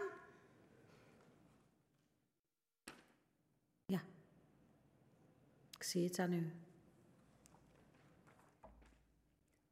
Al die keren dat ik daarvoor op heb gevraagd. Al die keren dat die ouders op de televisie moesten met hun zorgs. Weet je hoe ze zich afgelopen weekend voelden? Ze hadden er geen, echt geen hoop meer op dat er nog iets zou veranderen. Het lukt niet. Het lukt niet. We hebben ons ingezet en ook de staatssecretaris heeft zich ingezet om het opzetgrove schuld geregeld te krijgen. Maar we worden permanent, permanent niet geïnformeerd. We kunnen onze taak niet doen. We kunnen niet rechtzetten wat er fout gaat. Het is echt, ik ben, nou ja, laat maar reconstructie over deze notitie, waarom die niet naar de commissie Donner is gegaan, waarom die onder de pet is gebleven, wie heeft daartoe besloten. Er staan hier ook nog beslispunten in waar ik ook wel wil weten wat eh, daarop opgevolgd is. Laten we dat hebben voor dinsdag en dan spreken we daar hartig over door. Toch was even zoeken naar woorden, Renske. Of, Dat gebeurt niet vaak, hè? Dat is nee, politicus nee uitgeluld vanavond is. is nog niet gebeurd. eh. nee, maar eh, moest je ook huilen daar? Want ik, ik had het idee dat je even stond te snikken ook. Ja, nou. Eh, er zijn wel meerdere momenten geweest dat ik het wel bijna, dat ik bijna wel in tranen uitbrak, ja. Maar niet dat moment, daar was ik gewoon echt pissig. Dat is de boze Renske. Ja. Waarom zien die is echt boos. Ja, maar ik probeer ook in, ik, ik probeer altijd terug te keren naar die ouders. Daar doen we het voor, daar moet het voor. En daarom probeer ik ook altijd ja, iets in te brengen van wat ze hebben meegemaakt. Ik weet nog dat ik bij een van de ouders ook op een verjaardag was. En dan zat ik te praten met de moeder van de volwassen man. Eh, en die moeder die zei tegen mij: Ik vind het zo erg dat mijn man niet meer leeft. Dat hij dit niet meer mee kan maken. Want wij hebben zo vaak aan onze zoon getwijfeld. Wij dachten: Waar zijn die mensen met hun geld aan het doen? Ze werken allebei, maar er is nooit geld. En haar man was overleden, dus de vader van de gedupeerde Heeft ouder nooit dat... heeft nooit geweten dat hun twijfel aan hun zoon onterecht was. Ja, je vroeg net om een voorbeeld en nou komt deze naar boven. Maar ik krijg weer kippenvel van. Maar toen ik dat een keer in het debat zei, toen brak ik echt. Toen dacht ik, oh jee, ik moet nu heel snel over naar mijn tekst. Eh, maar ik vind dat echt erg. Ja, dat is toch... Ja, ja. Ja, Dat is te zien. en dan, en dan, en dan, en is ook heel erg en dan krijgen we zo'n notitie. En dan wat- zitten die ambtenaren... Wat was het? Notitie van een jaar geleden, hè? Ja, want die was dus niet naar die commissie donder gestuurd. Daar ging de boosheid En daar even ging om. het ook over, over dat opzet grove schuld. Dat is opgelegd eigenlijk voor niks. Er was geen controle op, niks. Dat was om targets te halen. En het gevolg van, van dat oordeel is dus, vinkje achter je naam, maar we mogen ook alles innemen. Je huis leeghalen, je huis verkopen, beslag leggen op je, op, je op je toeslagen die je nodig hebt, beslag leggen op je inkomen, alles. En, maar, en alles, maar alles wat het grote publiek te zien krijgt, is Rutte. Die met die, met die ik denk, fake traan in zijn ogen bij zo'n bijeenkomst is geweest. En daar dan een week over, over nou, dwepen is een groot woord. Dat was het ook niet. Dat was ook een hoop sceptisch. Maar we zien Rutte's emotie en niet die... Ja, en toch geloof ik het wel. Ja? Was het geen fake traan in jouw ogen? Nou ja, ik- denk dat, weet je, ook, ook, ook jullie houden het niet droog. En hij heeft daar tegenover een aantal ouders gestaan. En ze zouden eigenlijk een uurtje praten. En er waren dan best wel 250 ouders of zo. Dan hadden ze allemaal tafels gemaakt. En dan zouden Hoekstra en Rutte ook aan die tafels aanschuiven. En dan even weer en dan weer door. Maar er waren gewoon een aantal moeders die zeiden... Ho, ho, hier komen jij. Dit is er gebeurd. Hm.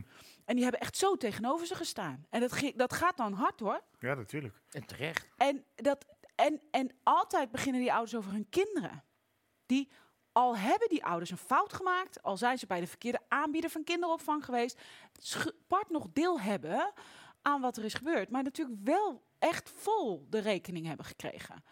De, ik geloof best wel dat je dan breekt. Ook als minister-president, ook als Rutte die, nou, zoals Maar iedereen waarom zegt, doet hij dan na zo'n... Als het Alleen dan, als dat het je hem vervolgens weer inzet, dat vind ik wel een beetje Ja, want als, daarom is het waarom ik het eigenlijk nooit echt geloofd heb. Is omdat moment, op dat moment heeft hij dan misschien gevoeld. En vervolgens gaat hij doodleuk verder op de ingeslagen weg. Van verzwijgen, verhullen, eh, smieren en eromheen draaien. En op het moment dat dan eh, vlak voor kerst eh, de absolute waarheid, vrij onverbloemd en nog steeds niet compleet onder zijn neus wordt gelegd, gaat hij een maand lang delibereren. Eerst gaan ze vier, vijf, zes keer bij elkaar zitten om te overleggen, gaan we opstappen of niet. Om vervolgens te zeggen, ja nu is het een beetje te laat, zou nu alleen maar symbolisch zijn. Maar dat maakt hem juist zo ongeloofwaardig. Maar wat, wat ik gewoon heel erg vind. En, en eh, ik heb tijdens die ondervraging dus al die stukken gezien of gelezen van het ministerie. wat ze al wisten en wat ze ons niet vertelden. Terwijl ze wisten dat het fout was, lieten ze die inv- invordering doorgaan. Daar was ik toen ook zo boos over. Eh, ze wisten het en ze lieten het doorgaan. En ze wisten nog veel meer wat ze ons niet vertelden. Maar er is nou een nieuwe WOP. Hè, want alles W- wordt natuurlijk. Eh, nee, er is een nieuwe WOP naar buiten gekomen van Oh, het archief sorry, van ja. de commissie Donner. En daarin zit dus verschillende eh, ehm, agenda's voor bewindspersonenoverleg. En dat is dan minister-president, de minister van Financiën en de staatssecretaris van Financiën en de staatssecretaris van Sociale Zaken, verantwoordelijk voor kinderopvangtoeslag. En die praten dan met elkaar over hoe houden we die groep zo klein mogelijk. Maar dat begint dus met, u zat... de groep gedupeerden die ze Ja, moeten... ja, want er mag geen president werken zijn. U, zat, u heeft eh 20 januari in Rijswijk gezegd dat er een compensatie zou komen. Dit overleg gaat erover. Dit zijn de kanttekeningen. En dan zie je dus dat ze aan het overleggen zijn. En in eerste instantie gaat het overleg over huurtoeslag. Of kinderopvangtoeslag, huurtoeslag, zorgtoeslag. Dat, die laatste twee verdwijnen al. Dat vertellen ze pas twee maanden geleden aan ons. Ehm, eh, en het gaat de hele tijd over ja, hoe zorgen we ervoor dat we oog houden op die presidentwerking? Dus hij laat een traan, hij zegt iets toe, maar in het eerstvolgende overleg gaat het weer over de groep zo klein mogelijk Want, houden. want dat, precedentwerking suggereert dus eigenlijk dat, oké, deze ouders hebben we misschien ten onrechte gekort eh, en, en, en als fraudeur bestempeld. Maar we vertrouwen de rest van de burgers ook niet. Nou, ik denk dat ze vooral weten van er zijn nog wel andere Er er nog slachtoffers van de overheid. Eh, er is al een keer een, een, soort van compensatie van schade eh, naar UWV. eh, mensen die door het UWV hard geraakt zijn gegaan. Parallel daaraan wilden ze eigenlijk die compensatie voor de toeslagenouders doen. En dat heeft dan te maken met je geld terug en dan een bepaald percentage Dat- op. Maar ze wilden gewoon niet dat het oversloeg naar andere slachtoffers van Het UWV belastingdienst. Het UWV-verhaal is waar Wekers overgevallen is in 2014. Nee, dat was, de Bulga- dat was niet de Bulgare vrouw, dat was ook toeslagen. Ja, maar dat was toch een uh, uitke- eh, Nee, dat was, de, dat was de uitkering van kinderopvangtoeslag die niet lukte omdat ze een fraudemaatregel hadden ingevoerd. Nee, dat ging over IBANs. Hij is gevallen over dat ze IBAN hadden ingevoerd en de Belastingdienst had mensen gevraagd Eén bankrekening om een, systeem ja, om een bank, gedaan. ander bankrekening door te geven. En ze hadden gezegd, als je meerdere bankrekeningnummers hebt en die zijn bekend bij de Belastingdienst, dan is dat een indicator voor fraude. En eh er is toen gewaarschuwd van dat moet je niet te snel invoeren, want sommige mensen hebben wel met reden twee bankrekeningnummers. En toen hebben ze dat toch gedaan, want we moesten fors op de fraude zitten. Toen waren er heel veel mensen die geen en die kinderopvangtoeslag kregen kregen. dat vlak voor kerst te horen toen. Ja, en die, zaten zon, die moesten wel die hoge kinderopvang betalen en hadden geen toeslag. En daarom is hij gevallen. Dus hij is cynisch genoeg om te harde fraudemaatregel is Wekers afgetreden. In dat, ik heb daar een stukje van teruggezien in de voorbereiding op dit gesprek. En in dat debat, in, eh, over, in het aftredensdebat van Wekers, zegt Helma Neperes, toen nog Kamerlid voor de VVD, Ja. die zegt eh, letterlijk dat als ze moet kiezen tussen fraudebestrijding of dienstverlening, dat ze dan toch liever eerst voor harde fraudebestrijding gaan en dat dan de dienstverlening, de service naar de burger, die volgt dan wel later. Dat vindt ze de fraudebestrijding belangrijker. En in, bijna in dezelfde ademtocht zegt ze in dat debat, ik heb het helaas niet uitgeknipt, want het was, ik wist niet dat we er nog langs zouden komen. Eh, zegt ze dat dat hele toeslagensysteem, dat dat eigenlijk het grote probleem is. Terwijl ze dat tien jaar eerder, hebben ze dat zelf Ja. ingevoerd. Ze hebben het ook vaak willen afschaffen. Maar dan niet met een alternatief van betaalbare huur, betaalbare kinderopvang en betaalbare zorg. Want daar is de VVD ook niet te beroerd voor. Om mensen die natuurlijk heel weinig geld hebben, nog minder geld te laten hebben. Nee, ik, ik wees even wat voor Bart aan. Die had Oh. nog een Dat- mooi stukje tekst erbij Oh. gepakt. Oh ja, maar dat gaat over, ja, dat is weer een sprongetje naar voren. Dat Mhm. het Openbaar Ministerie vorige week aankondigde dat ze geen strafrechtelijk onderzoek gaan instellen naar de, de, eh, Belastingdienst. Ik zal dus letterlijk citeren wat OM zei. OM stelt geen strafrechtelijk onderzoek in naar de Belastingdienst en zijn ambtenaren in het kader van de zogeheten kinderopvangtoeslagaffaire. Na een zorgvuldige beoordeling van de feiten en omstandigheden komt het OM niet tot een strafrechtelijke verdenking. En dan sloeg ik heel hard aan op na zorgvuldige beoordeling van de feiten en omstandigheden, want ik weet dat Pieter Klein nog eh, weet van het bestaan van mails waarin onder andere die fraudeurende burgers als zwartjes zouden worden aangeduid. Iets wat alleen Tsjechische tennisleraren ooit nog deden in dit land. en, eh, en dat er ook nog een zogenaamde Palmen-memo is. Waar in 2017 Oh, er al door nog een veel meer. medewerker... Maar dit is alleen al wat wij weten. Wat dus eigenlijk Ja. al publiek bekend is en nog niet Ja. aan het dossier is toegevoegd. En dus het OM ook niet heeft. En het OM toch zegt, na zorgvuldige beoordeling van alles... weten we dat er niemand vervolgd hoeft te worden. Maar ze weten nog niet alles. Nee. Maar dus dat is dan toch heel... En je zei net eerder in het gesprek, zei je ook dat, er, dat, dat ook eh, mensen die... eh, de frau- fraudecontroleurs die naar de rechter moesten om hun kant van het verhaal te verdedigen, ook aan de rechter niet alles lieten zien. Dan zou het OM nu toch ook moeten zeggen van nou kom eerst maar eens door met alles voordat we überhaupt kunnen beoordelen of we, want jullie hebben ons al eerder een rad voor Ja. ogen gedraaid. Maar de, ja, ik weet niet precies hoe dat werkt. Ik ben natuurlijk geen eh, jurist. En eh, strafrechtelijk traject, dat, dat loopt ook buiten ons. Ik heb natuurlijk mijn politieke middelen en politieke oordelen en eisen.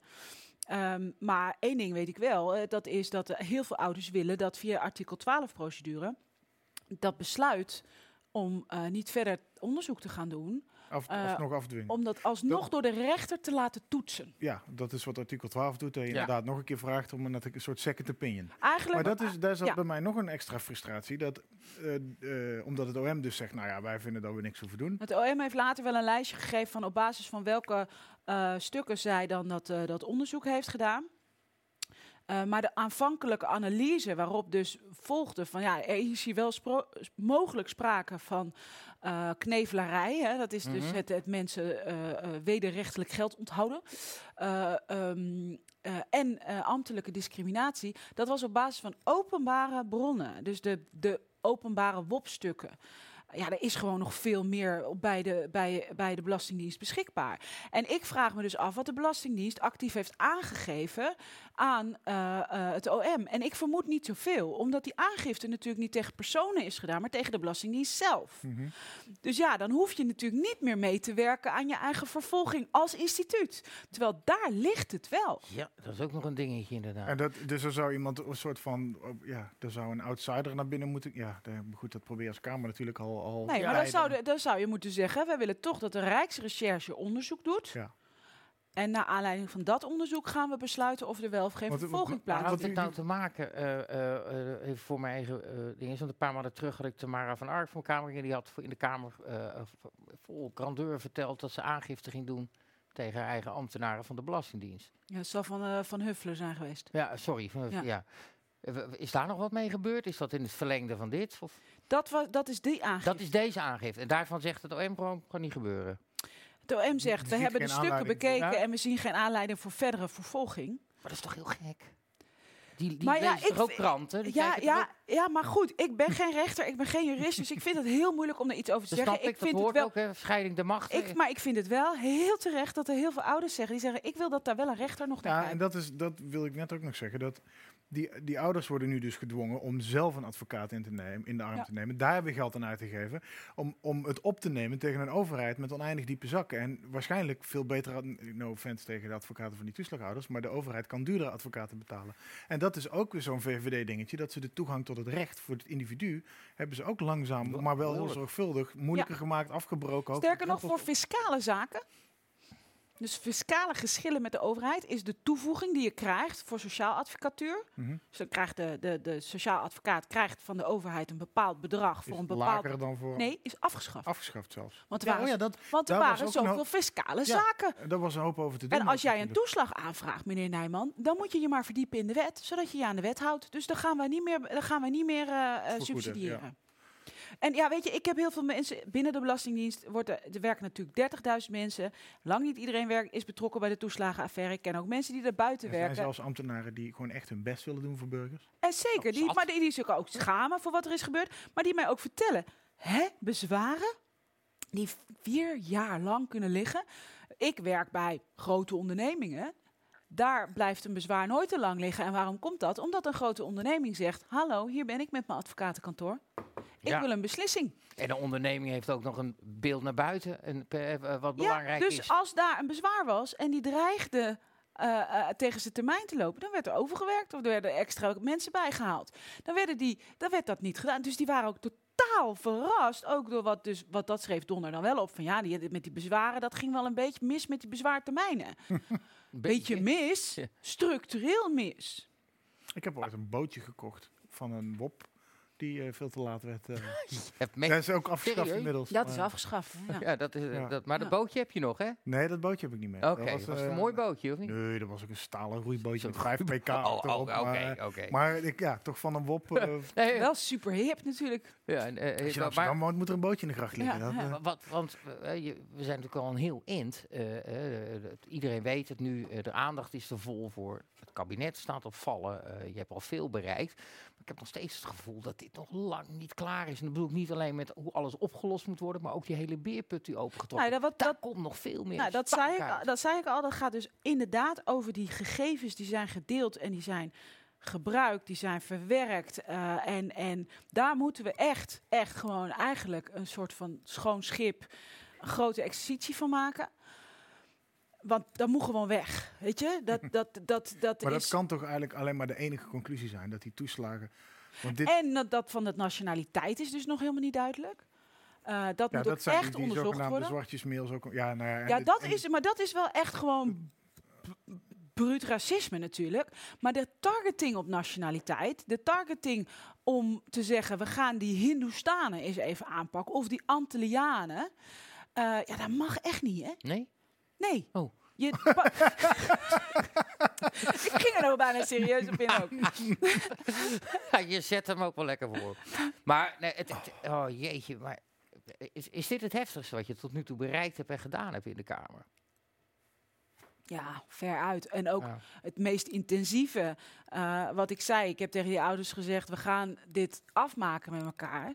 En van die eerste groep met wie we actie hebben gevoerd, die die dossiers hebben gekregen, zijn nou een jaar later de eerste ook die hun compensatie hebben gekregen. Die zitten in die groep van 500 mensen die met trekken en sleuren, nou ter nauwe nood, geld hebben gekregen. En waar jij, je, wij, als we een, een, een groot bedrag zouden krijgen, zouden zeggen, wat gaan we eens doen? Gaan we vakantie boeken? Gaan we iets aan het huis vertimmeren? Kopen we een auto? Gaan al die ouders onderuit. Ze durven dat geld niet aan te raken, maar alles komt ook terug. Dus- dus Want je krijgt in één keer dus al die toeslag die, je- waar je recht op had. eh, die krijg je terug, dat is een groot bedrag. Je krijgt erover een percentage. Of dat kan een groot bedrag zijn. Maar dan wordt eigenlijk voor hun pas echt duidelijk... ja, ik heb al die tijd in die overlevingsstand gestaan... en nu hoeft dat niet meer... maar nu weet ik ook dat het allemaal zinloos is geweest. Nu zijn er natuurlijk best wel veel ouders, strijders. We hebben een strijdersgroep, zo heet dat onze appgroep. Pieter Omtzigt zit er ook in. Eh, ehm, en die, die mensen van het eerste uur, er komen ook altijd nog mensen bij. Dat is ook hartstikke fijn, want die kunnen dingen met elkaar delen. Ook dingen uitwisselen van, hé, hey, ik heb dit gehoord van de Belastingdienst, hoe doe jij dit? Ja, dat wordt een soort veteranencomité. eh, Ja, maar, maar juist die mensen van de eerste groep, die zijn, niet allemaal, maar er zijn er een hoop, die dus nu pas toekomen aan zichzelf. Dus die raken in een burn-out, het lichaam wat letterlijk niet meer doet. Er was laatst eentje die midden in de nacht opgenomen is in het ziekenhuis. En, en waarvan de ambulancepersoneel personeel zei, dit komt echt gewoon één op één door die affaire. Ehm, het is verschrikkelijk. Ja, dus het houdt niet op. En, Maar jij eh, zegt eigenlijk die, die 30k die ze nu eh, alvast krijgen. Ach sommigen. man, het is zo'n plat misbruik geweest, die 30.000 euro. Ik vind het heel erg. Ben ik dan zo naïef dat ik denk als je die 30 kaken dat je eerst een paar mooie cadeaus voor je kinderen gaat kopen. en Nou, dat doen, gaat dat doen ze allemaal wel hoor. Gelukkig. Dat doen ze allemaal Maar wel. wat En is het dan mis om alvast 30k te geven? Omdat dat een publiciteitsbedrag was en niet een compensatiebedrag voor de, voor de gedupeerden. Nee, het is een, toch een voorschotachtig iets. Van, Ja, het was, het was, een, het was tijd kopen voor Rutte. Nou, goed, nee, dat oké, dat. Ja, Ja, kijk- dat was het tijd kopen? Ja, Zo verslag ik Ja. het in ieder geval. ja, ze moesten toch ergens mee naar buiten komen. Ze konden niet niks zeggen. Het was op de drempel van kerst. Nou, dan gooien we er een hoog bedrag in. Want zo werkt het volgens mij bij VVD'ers vooral. Groot bedrag, hup, zwijgen maar. Eh, maar voor mensen die echte schade hebben geleden... is 30.000 euro niet genoeg.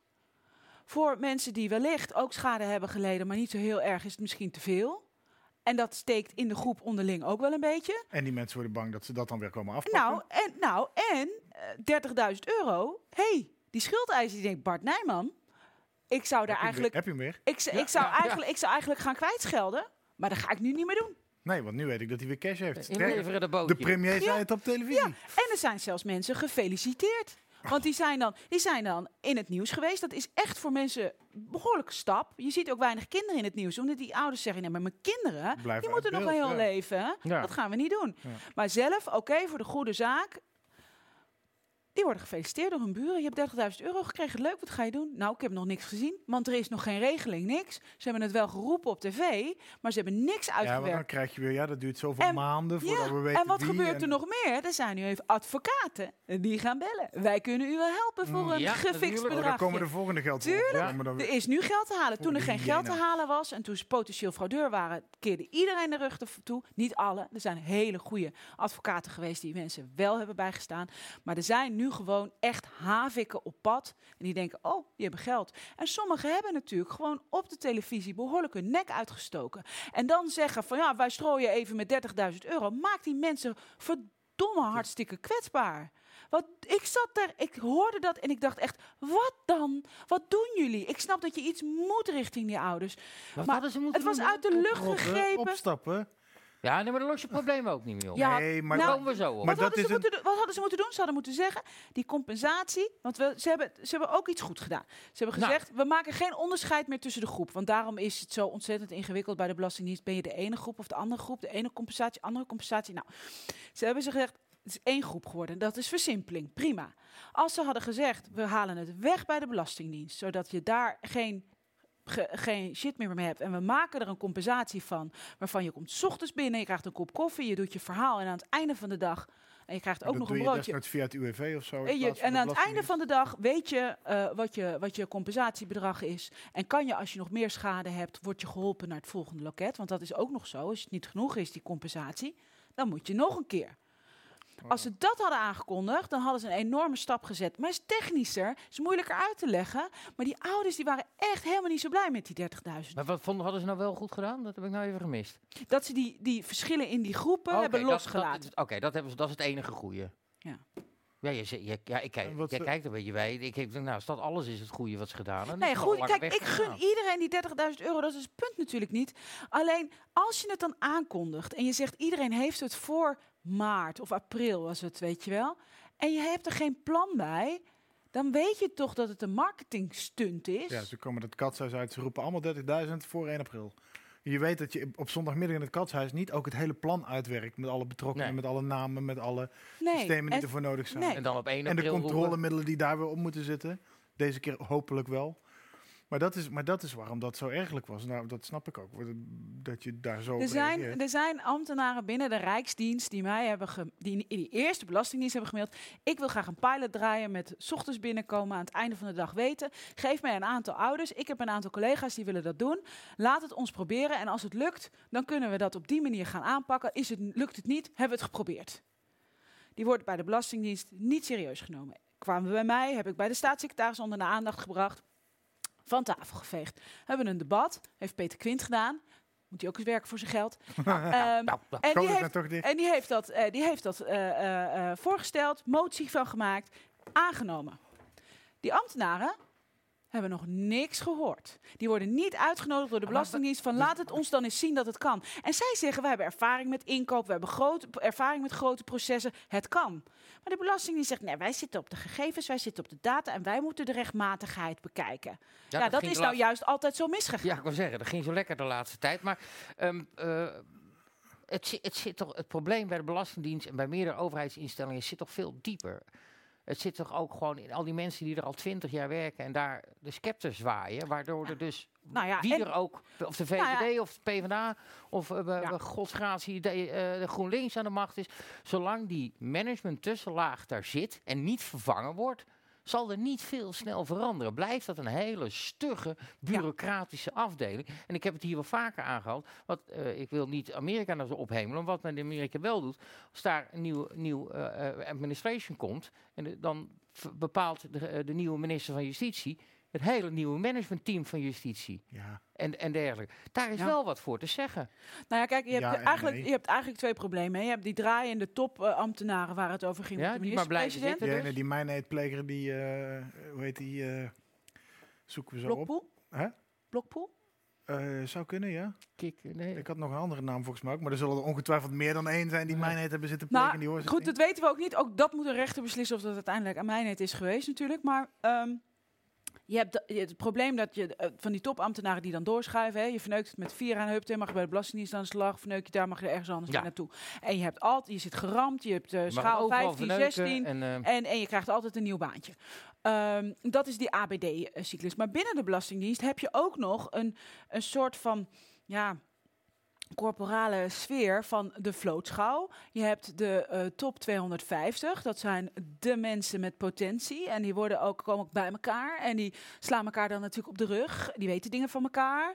En die vervangen elkaar ook. En is binnen de Belastingdienst best wel veel... Ja, zaggerijn, of dat wordt in ieder geval heel vaak heel cynisch gezegd. Als je enigszins kritisch bent, dan moet je of je mond houden, of je moet zorgen dat je in een hogere positie komt. Maar als je Oh, wat lager zit en je doet je mond open, dan kan je carrière wel vergeten. En dat is natuurlijk funest. Want er zitten heel veel mensen bij die Belastingdienst die zien dingen die fout gaan, hebben ideeën hoe je het op moet lossen. En als die dat gewoon zouden kunnen doen, of die zouden kunnen zeggen, mogen, ik pak de telefoon, ik bel Pieter Omtzigt of Renske Leijten of iemand van een andere partij. En die kan met dat idee verder. Kan was ook best goed bezig op dit dossier. Als er kan, heeft dit actief onder de aandacht gebracht bij de staatssecretaris. Maar goed, die is van een, coalitie of van een oppositiepartij met drie leden. Dus die moet zijn tijd ook verdelen. Als ik zie hoeveel Nou, tijd ik ik daaraan verdeel. Hij heeft echt ook wel goede Nee. dingen gedaan. Ehm, en hij heeft ook ons wel heel goed geholpen met, met die notitie over die strafbaarheidstelling en zo. Ehm, maar in de mate wat Pieter en ik kunnen, omdat we in een wat grotere fractie zitten, valt het in het niet. Maar niets ten nadele daarvan. Femke Merel heeft ook op het moment dat ze kon echt veel gedaan. ja, die Dus- zat ook in die commissie. ja, zeker. Ja, ja. Dat was dan later. Ehm, maar als je nou zou zeggen die, dat die ambtenaren gewoon kunnen praten met ons. Hé, hey, er gaat hier iets fout. Kun je er. eh, Nee, dat moet weer Ja. naar de leemlaag en dan moet er Ook weer zo- tussen. En hoeveel raars, meer deuren er zijn. Ja, hoeveel meer plekken iets kwijt kan raken. Zou- een je zou- boodschap je zou eigenlijk anders kan dat- worden. Dat, dat praten met zo'n belastingambtenaar, behalve dat je met een mens gewoon moet kunnen praten, dat dat ook onder je informatierechtskamerlid zou moeten vallen. Ja, maar dat is dus niet eerst Oekase kok, hè? gefilterd, gefilterd Ja. moet worden door een manager of iemand die boven. Ze zijn als de dood. Ze zijn als de dood. Er zijn er echt wel die met mij praten en die ook wel informatie geven. Maar er was bijvoorbeeld ook iemand die was ehm, van het eh, MKB-kantoor of uit Ma- Almere of uit Lelystad. Die mailde mij van ja, ik vind het eigenlijk geweldig wat je doet, maar ik heb wel het idee dat je de hele tijd de Belastingdienst heel enorm aan het afzeiken bent. Eh, en dan zeg ik het een beetje in mijn eigen woord. Dus die heb ik gemaild van nou, dat is niet mijn bedoeling. Ik kom graag met je praten. Nodig me maar uit, ik kom wel langs. En misschien kan je wel iets organiseren, ook met collega's. En die mailde mij op een gegeven moment terug. Ja, ik heb het in de groep gegooid, maar ik mag niet. Ik mag wel, maar dan gaat de directeur hoogpief van ook mee. Ja, en dan voel ik me niet meer vrij om met je te praten. Verandert dat nooit wat? Nou, dit is een van de dingen die moet veranderen Ja, natuurlijk. maar dat verandert dus niet. Nou ja, goed. ehm, Sterker nog, ik zou me moet. voorstellen dat zo'n toeslagaffaire er alleen maar voor zorgt dat dat nog, nog strakker vinger aan de pols gehouden Ik wordt. hoop het. Ik hoop het. Want het zijn uiteindelijk de Jaap Uilenbroeks, de oud-directeur, die, die naam zocht ik, die, eh, die voor zo'n hoorzitting moeten komen zitten om uit te leggen wat, dat zij echt allemaal van niks wisten en niks misdaan hadden. Ja. Terwijl zij wel degelijk wisten, want hij, die, die, Uilen, die, deze Uilenbroek die zegt specifiek over die net eerder genoemde Palmen-memo, zegt hij, daar heb ik alleen uit de media van vernomen, maar dat is niet waar, want of jullie hadden de bewijzen dat er bij een eh, hogere meeting van het hogere management van de Belastingdienst, dat die memo daar gewoon besproken is en dat die bij Ja. een latere Echt? meeting ineens Ja. verdwenen was. Ja, er waren er actie, er, zijn, dus, eh, er zijn actiepunten zijn er geformuleerd waarin Jaap Uilenbroek de, de afspraak heeft om te onderzoeken of die memo besproken is en waar. Dus, maar wat hij dan waarschijnlijk heeft gezegd, en ik heb die letterlijke quote niet nagekeken, dat hij hem niet in handen heeft gehad of dat hij hem niet heeft gezien. Dat kan natuurlijk. Er is over gesproken. Oh ja, en ja, dan krijg je dat net soort geneuzel. De memo van, eh Geen van Wiebens eh, naar... ik zie dus nu zo'n, Geen ik zie nu de hoogste herinneren. baas van de Belastingdienst voor me staan. Iemand wil hem iets geven. Nee, nee, nee. Oh, oh, Raak oh, ik oh, niet oh, aan. nee, Nee, nee. Leg het niet op tafel, hou het in je hand. Dan heeft het nooit op tafel gelegen. Asscher zei het mij, had ik negen maanden geleden voor mijn camera over een, een memo die hij dan van Wiebes had gekregen. En, eh en Wiebes had hem daar waarschijnlijk over gebeld, maar dan kon hij die zich ook niet herinneren. Die was in een kersttas beland. Ja, en uiteindelijk. eh, eh, Ja, we weten nog steeds niet waar die is gebleven. We hebben Nee. het Ja, in voorstel. die kersttas. Nou ja, we hebben, het voorstel van, we hebben het voorstel van de Belastingdienst dus wel gevonden. Die is boven tafel gekomen, want dat was eerst ook nog. wa- waar is dat voorstel dan? Dat voorstel zat bij de stukken die wij als parlementaire ondervragingscommissie hebben gekregen. Maar hoe is die geland bij sociale zaken? Is, zat hij in de tas? Is hij besproken? Is hij afgewezen? Dat weten we niet. En dat komt omdat sociale zaken de informatie niet heeft geleverd die ze zou moeten leveren. En ik sluit ook niet uit dat dat dus nog wel boven tafel komt. Uiteindelijk kom, krijgen jullie voor elkaar dat er dus zo'n parlementaire mini-enquête komt. Ja. Het was niet een echte parlementaire eh, enquête. Het heeft behoorlijk wat stof doen eh, opwaaien. En toch is het een lelijke vorm geweest. En waarom? Omdat eh, we een beperkt onderzoek hadden. En omdat het ook een beperkte richting had. Wij moesten de besluitvorming op ambtelijk en politiek niveau onderzoeken. Ja. Daarom zaten daar die hoge ambtenaren en daarom zaten daar die politici.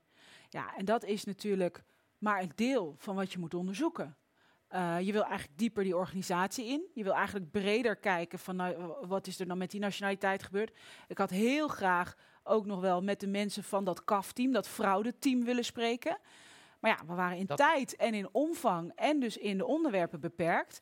En daarmee werd het toch ook wel richting de verkiezingen natuurlijk ook wel een, een politiek. Wij, wij moesten wel echt voor de, voor de kerstvakantie stoppen. Dat, dat wilden we ook echt als parlementaire enquête of ondervragingscommissie. Omdat je anders werd het wel heel erg die verkiezingen ingeduwd. En we zitten dus nu met, nou, toch in die beperkte tijd, met best wel veel tegenwerking van laatstukken krijgen en noem maar op. Mhm. Met een rapport waarvan iedereen zegt dat het onomstreden is. Dat vind ik Ja, echt want een het hele rapport wat prestatie. eruit kwam, dat, dat wint er geen doekjes om. Nee, en we hebben daar hard voor gewerkt. En er is ook een hele goede staf bij. Hè. want Dat zijn echt niet alleen maar de Kamerleden die dat doen. Ehm, maar het is een half onderzoek. We Ja, maar- hebben maar- nog zoveel niet Maar onderzocht. zelfs op basis van dit halve onderzoek is het dus al zo Ja. duidelijk dat al die misstanden gepleegd zijn, dat er Ja. kennis van was bij de hogere ambtenaren. dat er bij de meerdere momenten waren dat je ermee kon kappen. Dat, dat, er me- ja, dat er memo's zijn die intern al uitgezocht hebben dat dit aan de hand was. Dat eh, die, die systeem van begin af aan. En dan nog weet, weet er, want dan, dan komen we bij dat Asscher dan vanmorgen wel zijn conclusies getrokken heeft. Maar dat Rutte nu al een maand, letterlijk al een, ja, het is bijna een maand geleden dat het rapport uitkwam, 17 december. Eh, nog steeds geen besluit genomen heeft over wat hij daarmee gaat doen. En het nu ook, hoe dichter het bij de verkiezingen komt, hoe meer dat hij het zelf nu ook nog steeds tot een politiek of een campagneonderwerp. Of het is, voor de, het is zelfs voor de VVD, eigenlijk zou je zeggen, niet gunstig om. Wat is die afweging? Weet ik niet. Maar het Want het is, effect- want het enige wat we gezien hebben, het enige wat we gezien hebben sinds het rapport is verschenen, is een, is een PR-behandeling ervan. Ja, er is geen Die inhoudelijke 30.000 was reactie. PR. Ja. Ja, en dat eerst, eerst dus een aantal keer bij elkaar komen en dan geen conclusies trekken. En vervolgens, als dan de vraag deze week, vorige week gesteld werd, deze, begin deze week, van gaat u nou nog aftreden? Dat Dijkhoff dan zo mompelt en eh, Rutte later ook van, nou ja, dat zou nu eigenlijk alleen nog maar symbolisch zijn. Een beetje raar om nu nog af te treden. Nou, maar dat is het dus ook. Dat heb je, zeg je ook. Ja, maar ze, Ja, maar ze- het is ze ook stellen- inhoudelijk. Het is ook inhoudelijk. Je zegt gewoon dit nooit meer. Ja. Want als hij morgen zou zeggen, ik blijf aan, dit nooit meer. Ja, dat zei hij een jaar geleden ook. Ja. Ja. Maar je hebt ja, ondanks de beperkte middelen, je hebt mensen onder Ede kunnen horen, Ja. die Jaap Uilenbroek, Zeker, die daar gewoon glas ziet te liggen, wat volgens mij strafbaar is. Lijkt mij, dus daar moet ook Dan moet een rechter, eh, maar qua rechter over effect gaan. heb, is het, is, heb je toch, nou dat zie je toch bijna, eh, die mensen zijn nog niet geholpen. Dat, dat is het Nee, maar dat, komt, maar dat komt ook omdat het over mensen gaat. Het gaat over systeemfalen van... eh, nou ja, de beoordeling, de kwalificatie krijgen en dan je niet je recht kunnen halen. Het feit dat de Raad van State daarvan wegkijkt. Het feit dat er meerdere momenten zijn geweest waarop er wel degelijk iets anders had kunnen gaan. In 2014, in 2017, 2019. eh, en dan ook nog het element van die informatiepositie van de Kamer, die zo dramatisch is. Dus ja, dat zijn wel... eh, dat is wel een System- systematische problemen. Ja. zijn dat. En dat is waar Omtzigt ook al een paar keer. Daar heeft hij zijn sociaal contractverhaal een beetje op gebaseerd. Wat hij, eh, Ja, ik vind, dat, ik vind dat echt wel heel goed. Ook zeker vanuit, eh, vanuit het CDA. Omdat het CDA toch ook wel, als je toch gewoon kijkt naar de bron en de oorsprong van de regeling van de toeslagen. Maar ook eh fraudejacht. Heel vaak juist wel aan die strenge VVD-kant staat. Maar als hij het heeft over sociaal contract, dan is het toch ook een beetje, we moeten allemaal een stapje doen. En ik vind eigenlijk, ik vind, ik vind het een goed pleidooi hoor, maar ik vind eigenlijk ook dat we moeten onderkennen dat de overheid zoals die nu is ingericht, onze wetten, de controle op de wetten, dat die voor een gedeelte van onze samenleving niet werkt. Nee, Sterker nog, dat die een deel van die samenleving daarvan uitsluit. Ja, en die wat- mensen hoeven dus niet een stap bij te zetten. Nee, daar moeten wij naartoe. En dat is wat Ascher vanmorgen in zijn afscheidswoorden zei. Eh, dat, dat de overheid te veel gestoeld is op een wantrouwen die een soort vijand van de burger heeft gemaakt. Maar het is meer dan wantrouwen. Oh. Het is meer dan wantrouwen. In, in de systemen, in de wetten gaan we uit van iemand die een verzoek doet. Die zal wel fraudeur zijn. Iemand die zorg vraagt, oeh, indicaties. Dat wantrouwen. Dat wantrouwen, jawel. Maar er zit ook nog onder dat die mensen geen vertegenwoordiging meer hebben. Kijk, en dat mis Ja, ik ja, bij het verhaal ja. van Omtzigt en ook bij het verhaal van Ascher. Dat we het dus hebben laten gebeuren. Dat wij niet meer praten met mensen, maar met de vertegenwoordigers van de mensen. En liever nog met de Ja. vertegenwoordigers van de vertegenwoordigers. En dat is ook een hele cyclus van oud-politici en allemaal gesjeeste Ja, types dat is geworden. die baantjescarousel waar je het fragment over Onder had. andere, maar die ook allemaal beleidstaal praten, die het niet meer begrijpen. Eh, vandaag eh, zag je dat ehm, eh, het, het introduceren van ehm, de kostendelersnorm. Een kind wordt 18, dan moet hij meedelen in de kosten. Dus heb je, heb je een uitkering en een kind dat 18 wordt, wordt je gekort, want het kind moet maar gaan werken. Daar is natuurlijk van gezegd van ja, dat gaat niet werken. Die kinderen die worden te duur, die worden op straat gezet. Ja, dat is inderdaad een reden voor da- meer dakloze jongeren op straat. Maar hoe heet dat dan in zo'n onderzoek? De uitstroom. Ja, maar dat is wat vertegenwoordigers van vertegenwoordigers Ja, doen. Die ja. praten niet meer met de mensen. Nee, het zijn gewoon dakloze jongeren die op straat ges- gezet zijn, omdat anders de ouders niet meer rond kunnen komen. Ja. En, en dat is wat je krijgt. Je krijgt, een, je krijgt beleidsproza, je krijgt een kluwe waar niemand nog wat van snapt, wat van niemand meer is, maar waarvan de mensen die daarover gaan, En- gezellig met elkaar waarvan, comfortabel waarvan, lullen. de, waarvan de publieke respons, dat is wat we de afgelopen weken vanuit Rutte hebben zien komen, is, is weer helemaal getraind in PR-jargon. Ja. En, eh, daar want- is hij want- goed in. Want jij, net- je zei net, dat ja, de conclusies liggen er niet om. De, de feiten zijn boven tafel, grotendeels. In ieder geval de ernst van de situatie is duidelijk. Alleen, er is dus nog geen... Dat zagen we net voordat we begonnen nog in dit fragmentje van Kaag. Dat ze het heeft over verantwoordelijk... eh, spreken over verantwoording en over verantwoordelijkheid. Maar ze zegt niet nemen van verantwoordelijkheid. Nee, ze zegt ook niet wat verantwoording afleggen inhoudt. Nee, en ze, het heeft is het, alleen en, ze, en- en ze heeft het ook de hele tijd over het enorme onrecht. Nee, we noemden het ongekend onrecht, mevrouw Kaag. Ongekend. Dat is al, dat is al een En in dat- afzwakking inderdaad. En dat woordje ongekend zit dus ook in ongezien. Die groep is niet gezien. Die is niet vertegenwoordigd in de politiek. Daar kijken we van weg, omdat ze de schoonmaker zijn in plaats van iemand met wie we praten. En dat zit hier ook in. Er zit gewoon een soort van minachting of neerkijken op Ja, eh, in. Dan- dus dus er zit dan- wel meer in. Kijk, dat sociale contract vind ik echt goed en het is de juiste kant. Maar we moeten ook onder ogen zien dat we niet meer neerkijken op mensen. Dat we regels niet onbegrijpelijk maken, Ja, simpel en die mensen rechtvaardig stemmen dan vervolgens. Die stemmen ze zo niet. behandeld, dat stemmen Ja. ze niet. Ja, of ze stemmen op, op Trump, zo gezegd. En dan kun je vervolgens zeggen, ja, zie je wel, die Dat ook zijn niet. gekkies, ja, die kunnen we wegzetten als eh, irrelevant. Terwijl die mensen zijn gewoon mensen en die zijn er ook. En die horen bij onze samenleving, punt. Goed, lieve Renske, ehm, Oh. kunnen we een Zijn afspraak... Nee, nog lang niet. Oh, nee hoor, wees niet bang. Vroeg me alleen af of je, eh, of je er een tijd op wil zetten wanneer morgen het kabinet aftreedt. Nee, kijk, ik, ik- ben niet uit op de val. Ik ben nooit uit geweest op de Nee, val maar van je een zegt kabinet. heel expliciet dat je, dat je verwacht en dat je wil dat ze aftrekken, omdat ze verantwoordelijk. Dat, Kijk, nee, dus het heeft niks te maken met willen of dat, dat het effectbejag is. Het, het, beste, het beste zou zijn, is dat ze morgen met een reactie komen. Politieke verantwoordelijkheid uiteindelijk afleggen in het debat. Maar wat er ook gebeurt, dat debat gaat door Mhm. woensdag. eh, want er zijn genoeg vragen om te beantwoorden. Maar Morgen rond lunchtijd gaan we bronnen rond, bronnen rond eh, het Ja, kabinet. misschien nu al wel. En dan, of misschien Spin, vanavond laat nog. Maar bronnen rond het kabinet suggereren dat het kabinet inderdaad gaat aftreden. En dan gaat iedereen daar heel zijn plasje al over doen, heel de middag. En dan gaan we allemaal hysterisch doen. Ze gaan opstappen. En dan om half vijf zegt Rutte van, nou ja, u heeft het misschien al vernomen. We gaan inderdaad. eh, maar wat, wat eh, als ik een kleine toevoeging mag doen, wel Rutte moet. Ik, ik vind dat het kabinet zou moeten aftreden. Maar dan eigenlijk doen ze zichzelf dan een plezier. Want dan zijn ze demissionair richting de verkiezingen. Dan hebben ze geen coalitiebelangen meer. Kan de VVD lekker uithalen naar D66 en vice versa. Ja, maar de dat is laatste toch, maand dat, dat ervoor is toch al, altijd al zo. Ja, maar nu nog meer, want dan heb je helemaal geen verbinding meer naar elkaar. En vervolgens zijn diezelfde lui, die, de Wiebussen en de Ruttes, er zijn er allebei maar één, maar die, die gaan dan vervolgens doodleuk weer namens hun partij meedoen. En ze zouden echt de koninklijke weg moeten nemen, die eigenlijk Asscher min of meer ook uiteindelijk nu genomen Ja, heeft. van het toneel verdwijnen. Ja, maar dat gaat de VVD natuurlijk voor zijn leven niet doen, want ze peilen 43 zetels met Rutte. Hij moet een coronacrisis oplossen. Ja, ze, ze, dus ja, alles dit is aan hun gelegen alleen maar over de Nederlandse burger nu weet, dan is dat... Dan, dan, Dan interesseert het de meeste burgers nog steeds niet genoeg, denk ik. Het zijn de, de, de dat noemt wat Edith Stal altijd de anywheres en de somewheres noemt. De, eh, degene die hierover gaan en degene die echt de druk op het kabinet en op, op een Rutte uit zouden kunnen oefenen om te zeggen, nou niet alleen ga je aftreden, maar je gaat ook van de lijst af. Dat zijn degenen die ook denken van, nou, die, de- hoe je die mensen net beschrijft, van, nou, die zijn eigenlijk niet in de samenleving, die doen onvoldoende mee. Zo'n groep toeslagouders heeft niet genoeg social cloud, eh, publieke leverage, om Rutte zo ver te bewegen dat hij niet alleen aftreedt, En maar op ook het moment, en op het moment En dat, dat, ze is het, het wel pijnlijke hiervan, omdat Ja. wat die burgers is aangedaan, is, een, eh, is, is iets. Zij zijn eh, de end of the stick van iets wat, Ja. waar iedereen heel erg voor zou moeten vrezen, omdat het, het, het raakt. kan jou echt- ook raken. Het raakt echt aan de wortels van de rechtsstaat, Eens. van de scheiding Eens. van de machten, van hoe de verantwoording afgelegd wordt en hoe eh, een burger zich bij zijn eigen overheid veilig hoort te voelen in Maar wat jij zegt is natuurlijk helemaal waar. Hè? Dus ze hebben, er is Dat is niet... ook wel eens leuk om te horen, toch? Ja, dat Er is, is- deze gaan we zetten. Dat, eh, we moeten Voor- even opletten. bed, hè? Ja, ja. Ja. Nee, maar ik dacht dat met mij flirten, wat maar ze zegt flirt is met jou. helemaal Ik weet nu zeker dat ze met jou aan het flirten is.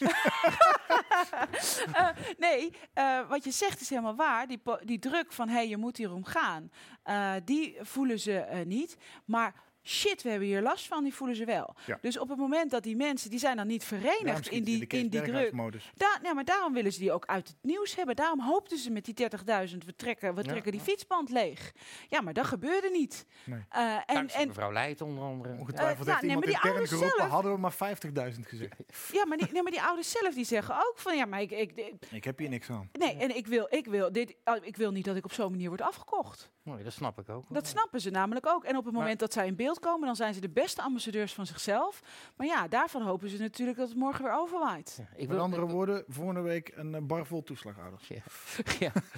We gaan, Ik eh, weet eh, zeker dat ze het leuk ik- vinden om ik te heb- komen. Voordat we naar de reaguursvragen gaan, Oh. dat zijn de leukste. Ja. Had ik eigenlijk nog wel twee, eh, twee vragen erover. Want je, nou, jij gaat richting verkiezingen zometeen. Dit is, dit is niet voor 17 maart opgelost. Je hebt nog wel wat te doen.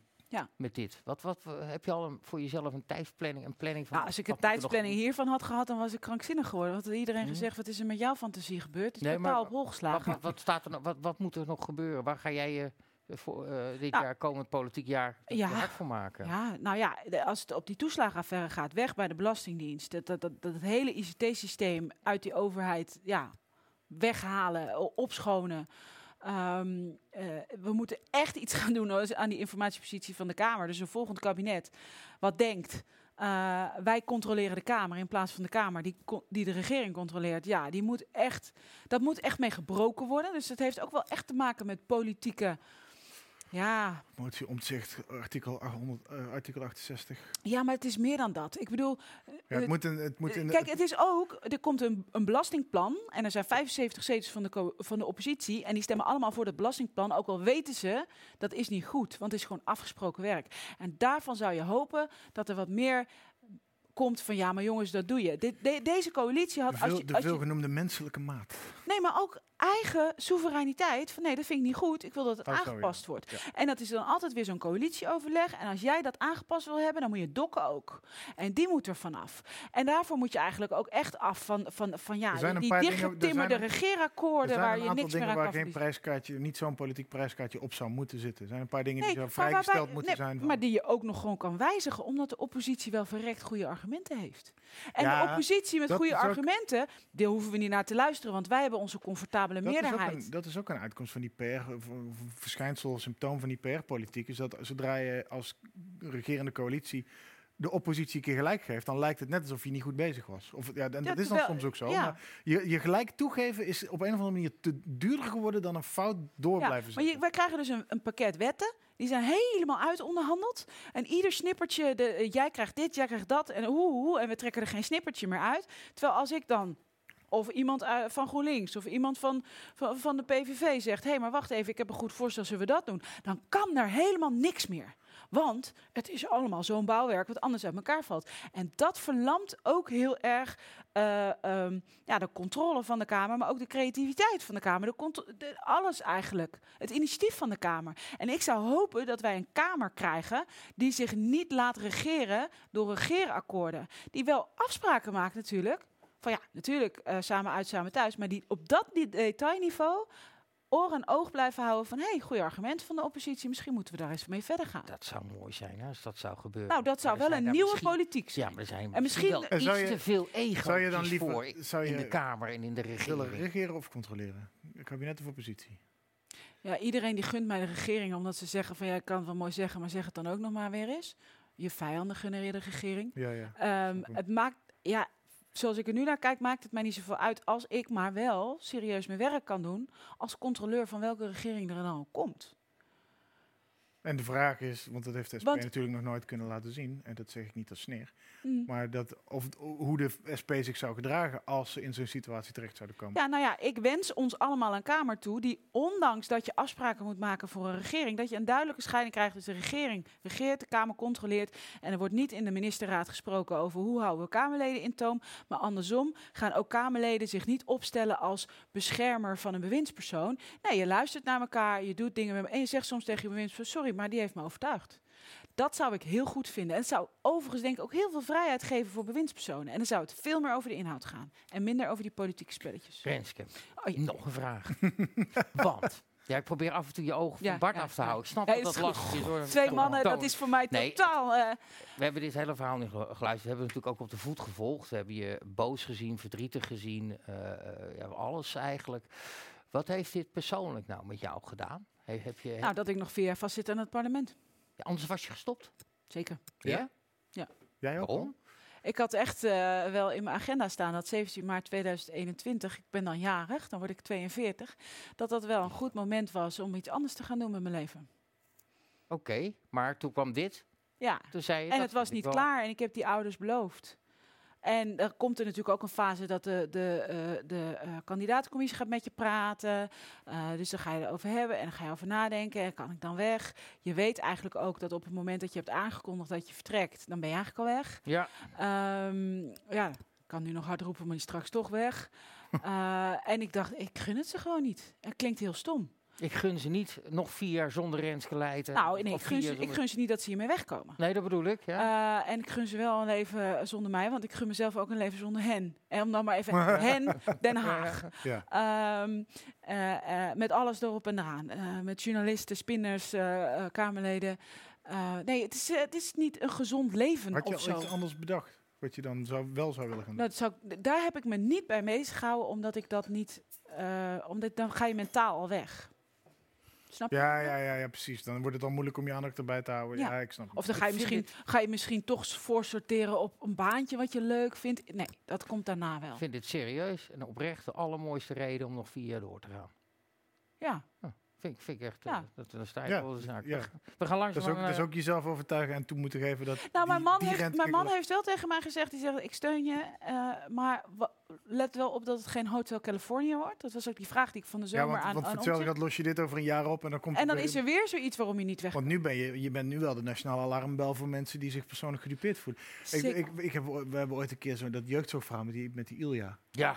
Dat was een verhaal, er er was een jongen die had gefilmd dat zijn broertje en zusje, halfbroertje, halfzusje, Ja. werden uit huis gehaald door de politie, uit huisplaatsing. En hij had dat gefilmd, had aan ons gemeld. Ze die klopt echt niet, deugt niks van. En heel veel van die verhalen zijn, Oh, zijn eh, hart, hartverscheurend en tranentrekkend, maar vaak niet onterecht. Nee.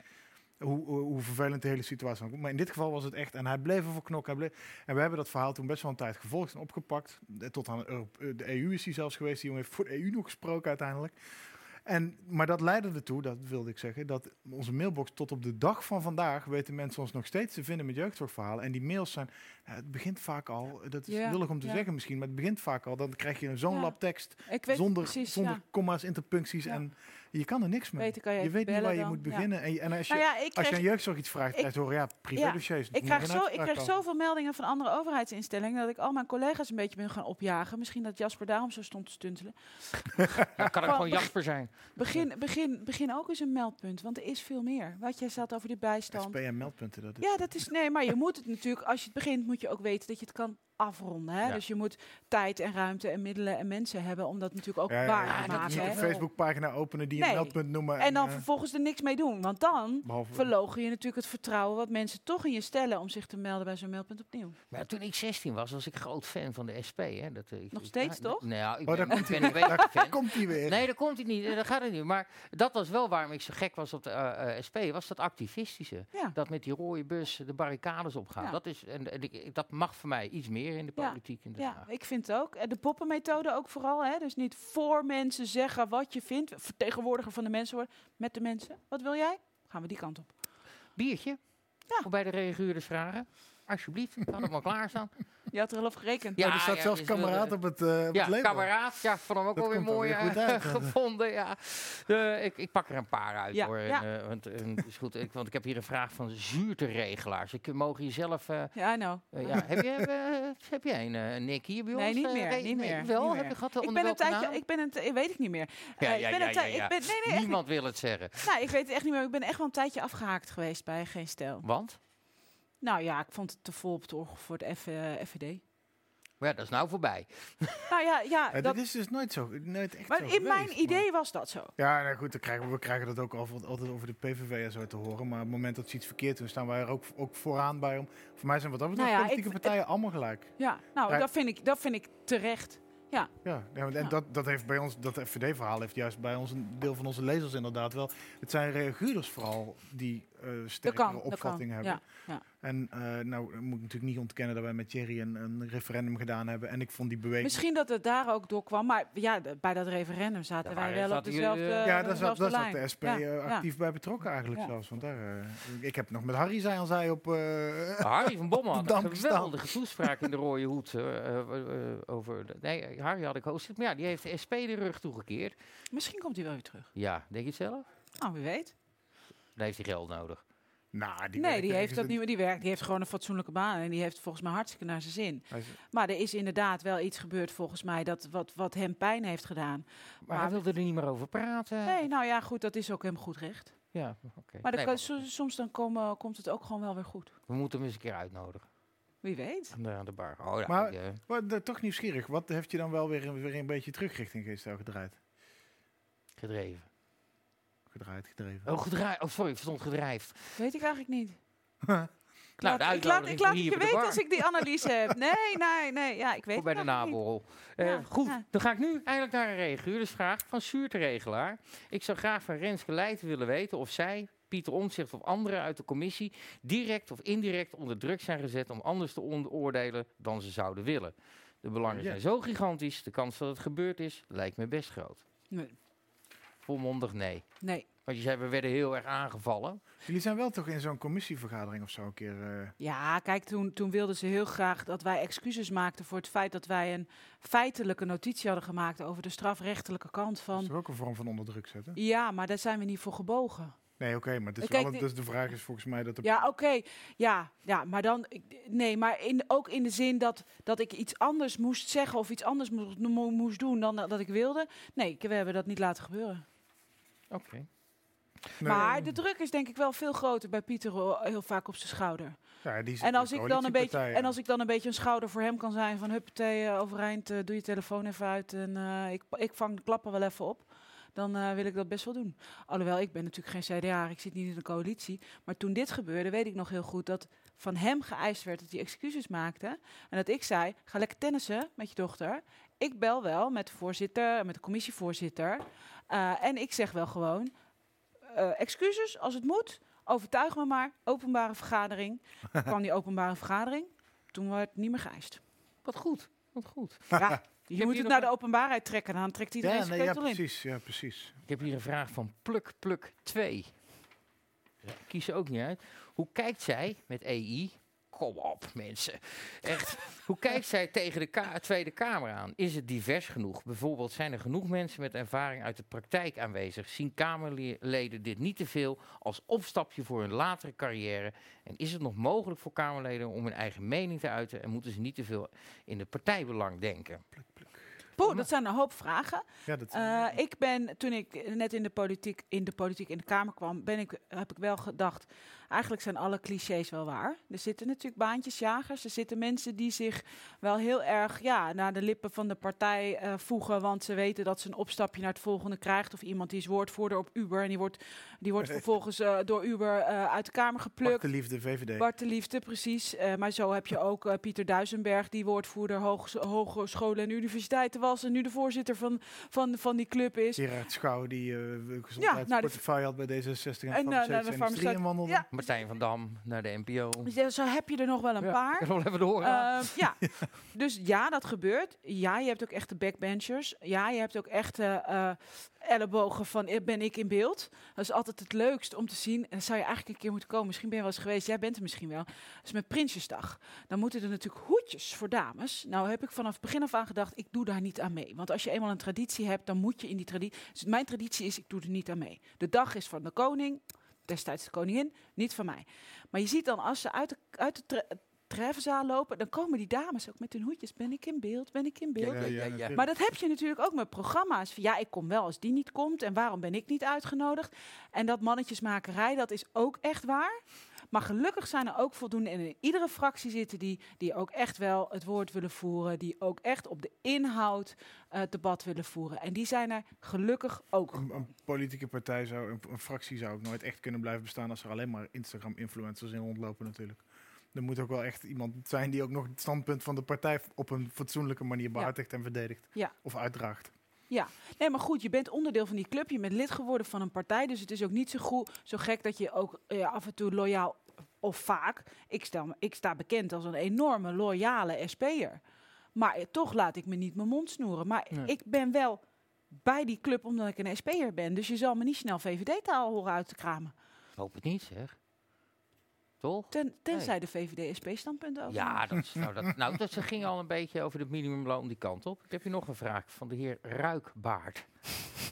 Sorry, we zijn, dit is ook weer een lange aanloop, maar eh, Koen, we zijn nu weer anderhalf jaar verder na publicatie van het advies van de Staatscommissie Parlementair Stelsel, de commissie Remkes. Een van de aanbevelingen in dit rapport is stellen een constitutioneel hof in. Hierdoor kan een burger die vindt dat zijn of haar grondrechten eh, worden aangetast, bezwaar maken tegen een wet. Zou dit een punt zijn waar zij zich voor willen inzetten gezien het verloop van de puinhoop met betrekking tot de toeslagenaffaire? Ik vind dat we daar serieus naar moeten kijken of het ook echt iets toevoegt. Uh, ik vind dat de afdeling rechtspraak uh, weggaat bij uh, de Raad van State. Dus gewoon in het gewone rechtsspraak komt. Ik vind de positie van de Raad van State echt wel problematisch als het gaat over de advisering op wetten. Heel kritisch naar Kamerleden of oppositie. Heel erg gemakkelijk eigenlijk voor, uh, voor de regering en soms ook echt tegen grondrechten in.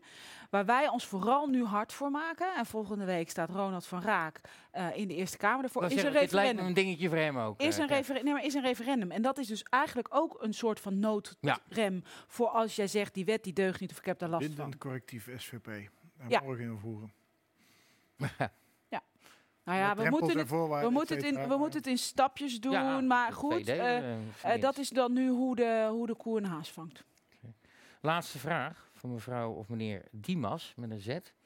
De vraag is vermoedelijk al gesteld, maar dan toch. Wanneer kandideert u zich als lijsttrekker van de SP om de partij uit het slop te trekken? Het zijn mijn woorden niet. Met Lilian Marijnissen gaat het sowieso niet worden. Wederom niet mijn woorden. Alvast bedankt mevrouw Leijten, komma, met hoge achting. Ja, kijk, Dimas. ehm, je hebt. eh, ehm, ik wil het gewoon niet. Nee, Ja, je gaat zit net te vertellen dat je Ik wil het eigenlijk weg gewoon had willen gaan. Nee, maar ik, ik, ik, ik, ik, ik kan nu zoveel tijd besteden aan een dossier, aan die ouders. Toen ik zorgwoordvoerder Ja, ja, ja. was, want jij zei van, hè, wij zijn met de jeugd. Ik krijg nog steeds mailtjes van mensen die zeggen, u bent toch die zorgwoordvoerder van de SP, kunt u mij helpen? Zit op een gegeven moment in hoofden van mensen. Dat kon ik worden omdat ik erin kon duiken, omdat ik me daarop kon richten. Als je partijleider bent, dan moet je je van alles doen. En je moet nadenken over dit en over dat en over personeelszaken. En, en belangrijk allemaal. Maar ik hoef dat niet. Jij wil je concentreren op dat. En die overigens, die overigens dat kan ik ook tegen Dimas zeggen. Ik ben niet zo ontevreden over Lilian Marijnissen. Integendeel. Ze is jong, ze zit er net, maar ze is zichzelf. Ze is hartstikke stevig, ze laat zich niet wegblazen. Laat, haar gewoon maar, eh, laat, haar maar, eh, laat haar maar zien wat ze kan. En misschien gaat de volgende verkiezingen niet meer zetels opleveren. Niet meteen afschrijven. Ik weet nog heel goed in 2006. Houden we in ieder geval een fractievoorzitter over met een Brabants accent. Ja, ja. Nou ja, nee, maar ik weet in Het is de 2006. vierde verkiezingen die eraan komen voor haar. Ze mag Nee. nou wel een keer gaan shinen hoor. Landelijke verkiezingen tellen. Ja, landelijke verkiezingen tellen. Ehm, eh, die andere verkiezingen waren nauwelijks te winnen, omdat die echt in hoogtij waren gewonnen. Wij, wij, wij stonden op, op, op 38 zetels in de peilingen, dat werden er toen 15. Maar die kwamen heel snel toen weer terug omdat iedereen dacht, shit, ik heb voor de Partij van de Arbeid gekozen, maar ik had toch bij de SP moeten blijven. En dat hebben we toen geoogst bij de gemeenteraadsverkiezingen en bij de provinciale statenverkiezingen. Dat was de beste, beste uitslag van de SP ever. Daar had ik ook als lijsttrekker niet overheen gegaan. Dus ik vind, eh, je mag duiden, maar je kan iemand ook de grond in praten waarin het een beetje te- onterecht Nee, ik vind het maar los daarvan, los daarvan, ik vind, ze is authentiek, ze heeft eigen stijl. Laat dat nog maar even groeien. Toen ik in de politiek kwam, 2006, toen was net de, de strijd geweest tussen Ro- Rutte en Verdonk. Die won Rutte. Verdonk had meer stemmen. Iedereen had hem afgeschreven. Afgeschreven. Drie jaar, vier jaar in de oppositie. Premier, al tien jaar verneukt hij het land. Grappig. Ja, ja, ja, ja. Wel grappig dat Dan heb je de maar, VVD maar eh, dan, heb je een beter, eh. dan heb je een betere aan straks Marijnissen premier tien jaar. Volgens mij, eh, eh, ik als je vind eerst- vind het een mooi verweer. Als je eerst even flink tegen de stroom in moet zwemmen, en, en dan, dan is volgens mij altijd beter dan wanneer je meteen met de rugwind mee van, nou hier staat hij, hier staat ze. Ook dit is Femke de- Halsema werd echt niet meteen ge- gevierd en gezien toen ze kwam. Werd hij überhaupt gevierd dan? Nee, maar, toen, eh, maar, de, de- maar ja, het is toch een beetje oma verteld. Die, die had wel, toen, eh, zeker ook toen ik in de Kamer kwam, had ze, ze had wel status. Ze heeft ook hoog, ze, ik, dus ze heeft niet altijd hoge uitslagen. Ze werd wel gezien. Ja, het was wel maar- iemand waar heel veel vrouwen tegen opkeken. Dus je, ja, weet je, blijf vooral jezelf. Dat is denk ik de grootste les voor iedereen die in de politiek zit. Iedereen die ooit denkt in de politiek te gaan. Ik zou zeggen, doe het niet. Doe iets leuks met je leven. Ja, dat Eh, geloof ik niet. Ik vind het echt wel leuk om een goed debat te voeren. En ik vind het onwijs trots om een volksvertegenwoordiger te zijn voor En mensen. dingen te bereiken, zoals je nu hebt bereikt. Zeker, en heel tof om het te bereiken. Maar, Maar zeg, het als je is- privéleven Maar wil, het is geen gezonde omgeving. En een ge- ongezonde omgeving maakt ook dat je mentaal soms ook verandert. En het is niet ongezond om daar ook af en toe eens afstand van te nemen of om mee te stoppen. En dat was ook een van mijn overwegingen om te willen stoppen. Ik ga nu vier jaar door. Maar heb je er 17 een van jaar gezeten? Ja. Een van de, een van de, nou zit jij natuurlijk al eh, eh, 16, 14 jaar, 2006 zei je, dus 15 jaar in de Kamer, dat is al een behoorlijke tijd. Maar een van- November 15 jaar. Een van de dingen die Omtzigt eh vaak aanhad, is dat het geheugen van de Kamer steeds kleiner wordt, korter wordt, omdat de doorlooptijd sneller wordt. Vroeger was gemiddeld zat een Kamerlid eh 8 tot 10, 12 jaar in de Kamer en nu nog maar 4, 5 jaar en dan gaan ze weer door naar de baan voor de baan bij Uber. Ja. En dus, dus wat langer volhouden en blijven zitten is wel ook, ook in het belang van het landsbestuur, de democratie, de volksvertegenwoordiging. Zeker. Dus, dus Maar daar draag ik mijn steentje nou toch al een tijdje ja, aan ja, het was ook niet persoonlijk tegen jou, maar meer. Nee, Nee, maar dat is, als je dus als je maar dat is ook, er werd, er werd in onze partij gezegd, ja, vernieuwing van de lijst. En toen zei ik, ja, jongens, we hebben vier jaar geleden al vernieuwd. Laat iedereen een beetje tot wasdom komen. Je hebt eigenlijk een eerste termijn echt nodig om een aanloopje te nemen en een beetje ergens te komen. pas in je En- tweede ronde durf ja, een beetje. En het is bij ons al hartstikke knap dat wij Kamerleden zoals Sandra Beckerman en ook Peter Quint, eh, maar bijvoorbeeld ook iemand als Ja, Frank maar als je het over iemand hebt die makkelijk babbelt, dan heb je Peter Quint wel. Ja, eh. ja. Nee, Je maar die uitgevonden. Futselaar, Maar Futselaar heeft ook nog wel wat, wat gekregen. Maar dat is best wel... eh, dat is mij niet gelukt eerste termijn. Laat ik het zo Nee, zeggen. maar, maar knap. Renske, van de 150 Kamerleden, en ik spreek jou daar niet op aan en ook niet de SP, van die 150 die er vier, eh, drie jaar geleden, drieënhalf jaar le- geleden begonnen, zijn er eh 50 vertrokken. Ja, de Ja, doorloopsnelheid het slaat nergens Ja. Om burgemeestertje te worden, om wethouder te worden, om eh, een baantje te krijgen bij, bij het CBR. Je zou bij- bijna, je zou Kom bijna een soort. een soort Er zijn ook wel heel veel winstpersonen van de VVD gesneuveld. eh, er Die zijn er- stonden ook op die lijst. Nee, er- grapje. Er zijn er, er zijn er elf vertrokken in de afgelopen tien jaar en één voorzitter. Nee, maar en je- daarvan zijn er, daarvan zijn er Maar- zeven van de VVD. Maar wat, wat ik echt heel verdrietig vind, is dat bijvoorbeeld eh, er dan nu ook nog mensen vertrekken. Het ja, zicht op van de van. Ja. Ja. En dan denk ik, waar je dan ook naartoe gaat, jongens. Die drie zeven- maanden, kan ook wel 17 hebben. maart kan je op me rekenen. Ja. Dat kan je toch overbruggen. Eh, Er is nu net, ik gun het hem van harte. Die is Ja. wethouder geworden, een CDA is wethouder geworden in mijn eigen stadje in Ja. Haarlem. Ik gun het hem van harte, maar had ook tegen het college kunnen zeggen: Jongens, rooi het even negen weken met een vervanger, dan ben ik er. Nee, dan moet hij nu aftreden en dan komt er een nieuw iemand. Wat gaat die nou doen? In nog drie weken Kamer, helemaal Ja. niks. Wat doe je zo iemand aan, denk ik dan ook? Want die staat ook niet op de volgende lijst, dus die wordt ook Krijg je wachtgeld? nou ja, Nee. nog los daarvan, dat is helemaal bizar dat het bestaat. Maar Ja, precies. ja, ik, ik denk dat nee, dat is echt niet goed, die duiftfilm. Lieve ja, ja, Bart, mee eens, mee eens. heb je nog een prangende vraag voor mevrouw Leijten? Mm, Nee, op dit moment niet. Nou, da- da- dan is het, dan is dan, dan- dit is je kans nog. Ja, ik ben weinig aan het woord geweest, hè? Ja, was eh, stilletjes. Eh, Nou ja, tweede deel kwam weer. vertellen, Nee, ja. die, die, die, die, Kijk, dit is ook, die dit heb is ik ook, stil gekregen. dit- maar nou, dit dat is ook- is, eh, En ik ga nu pas aan het bier. dit nou, jongens. er, ko- er komt nog Misschien een is het omdat ik ook nog geen echt bier op heb. Ik denk dat zou er ook eens mee te maken kunnen hebben. Nou ja, dit is ook een verhaal waar je niet doorheen wil praten. Want ten eerste is het ingewikkeld en het is, het is uitgebreid en het is... eh, Die hang ik boven mijn bed. dit is het, dit is, ik vind dit echt het verhaal van Rutte 3. Ja. En het, en het wordt niet als zodanig behandeld. Dus als het dan een keer aan- als het dan hier aan de bar zit, dan moet het dan hier wel als zodanig behandeld worden, zeg maar. Kijk, de concurrentie is natuurlijk gewoon groot. Laten we heel eerlijk zijn. Die coronacrisis, niemand had hem gezien.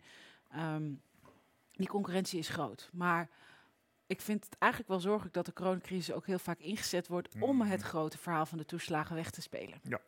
En daar moeten we denk ik allemaal scherp op zijn, op dat eh politieke maar dat ga jij publiciteit onder andere doen, nog vier jaar. En eh, al die ouders. Ja. Maar dat gaan we snel oplossen voor die ouders. Dat moet gewoon echt. Lieve Renske, Oh. de laatste vraag is altijd de vraag: heb je eh, het gevoel gehad dat je alles hebt kunnen zeggen, of is er nog iets wat je kwijt wil? Dan kijkt hij me met die grote bruine ogen aan. ik ben totaal geïntimideerd. Nee, dan weet ik het niet meer. Nee, heb je alles gezegd? Ik denk het wel. Dan zeg ik proost. We hebben, je krijgt hier altijd een shirt. Het is En, altijd, eh, dit is een, eh, of nee, dit is een trui. Een witte. Wat staat er? Als je dit kan lezen, sta je te dichtbij. Ja, die is voor de kroeg. Die is, straks, die is inderdaad voor in de kroeg straks. Die krijg je mee als aandenken. Dankjewel. Dankjewel dat het was. Als u zelf ook zijn trui wil, www.stijloos.tv. Bestel hem lekker. Er zijn heel veel leuke truien. Er zijn ook mokken. Wil je een mok, schat? Hier, kijk. Geen stijl. Alsjeblieft. Ook leuk. Voor de koffie thuis. Het lijkt wel, ik word opgekocht hier. Ja, nee. dat Bier, Nou, allemaal ver onder de 50 euro. Je zou het moeten delen misschien met je SP-genoten. Maar wie bij de SP Ah, deze wilde de- nou een geen stijltrui? De- de- deze, dit doe ik gewoon clandestien. Maar de helft heeft niemand gezien. Ja, ik wou zeggen, de helft heeft er gelijk. Dat ook, ja. Is goed. Hey, fijn dat je er was. Graag gedaan. Eh, eh, mooi, ontroerend, heftig verhaal. Dank eh, voor je inzet ook daarvoor. En tot eh, volgende week dinsdag. Dan zien we elkaar weer, denk ik. Ik wel, Bart. En ehm goedenavond. Dit was er weer. Loodjes, bier. Volgende week zijn we er gewoon weer met een boomlange columnist. U kent hem van de Telegraaf. Daar schrijft hij al sinds mensenheugenis columns voor. Hij deed bij ons zelfs het Nationaal Dicté. En hij schrijft hier volgende week aan om 9 uur. Chips, bier. Met de enige echte Rob Hoogland. Tot volgende week.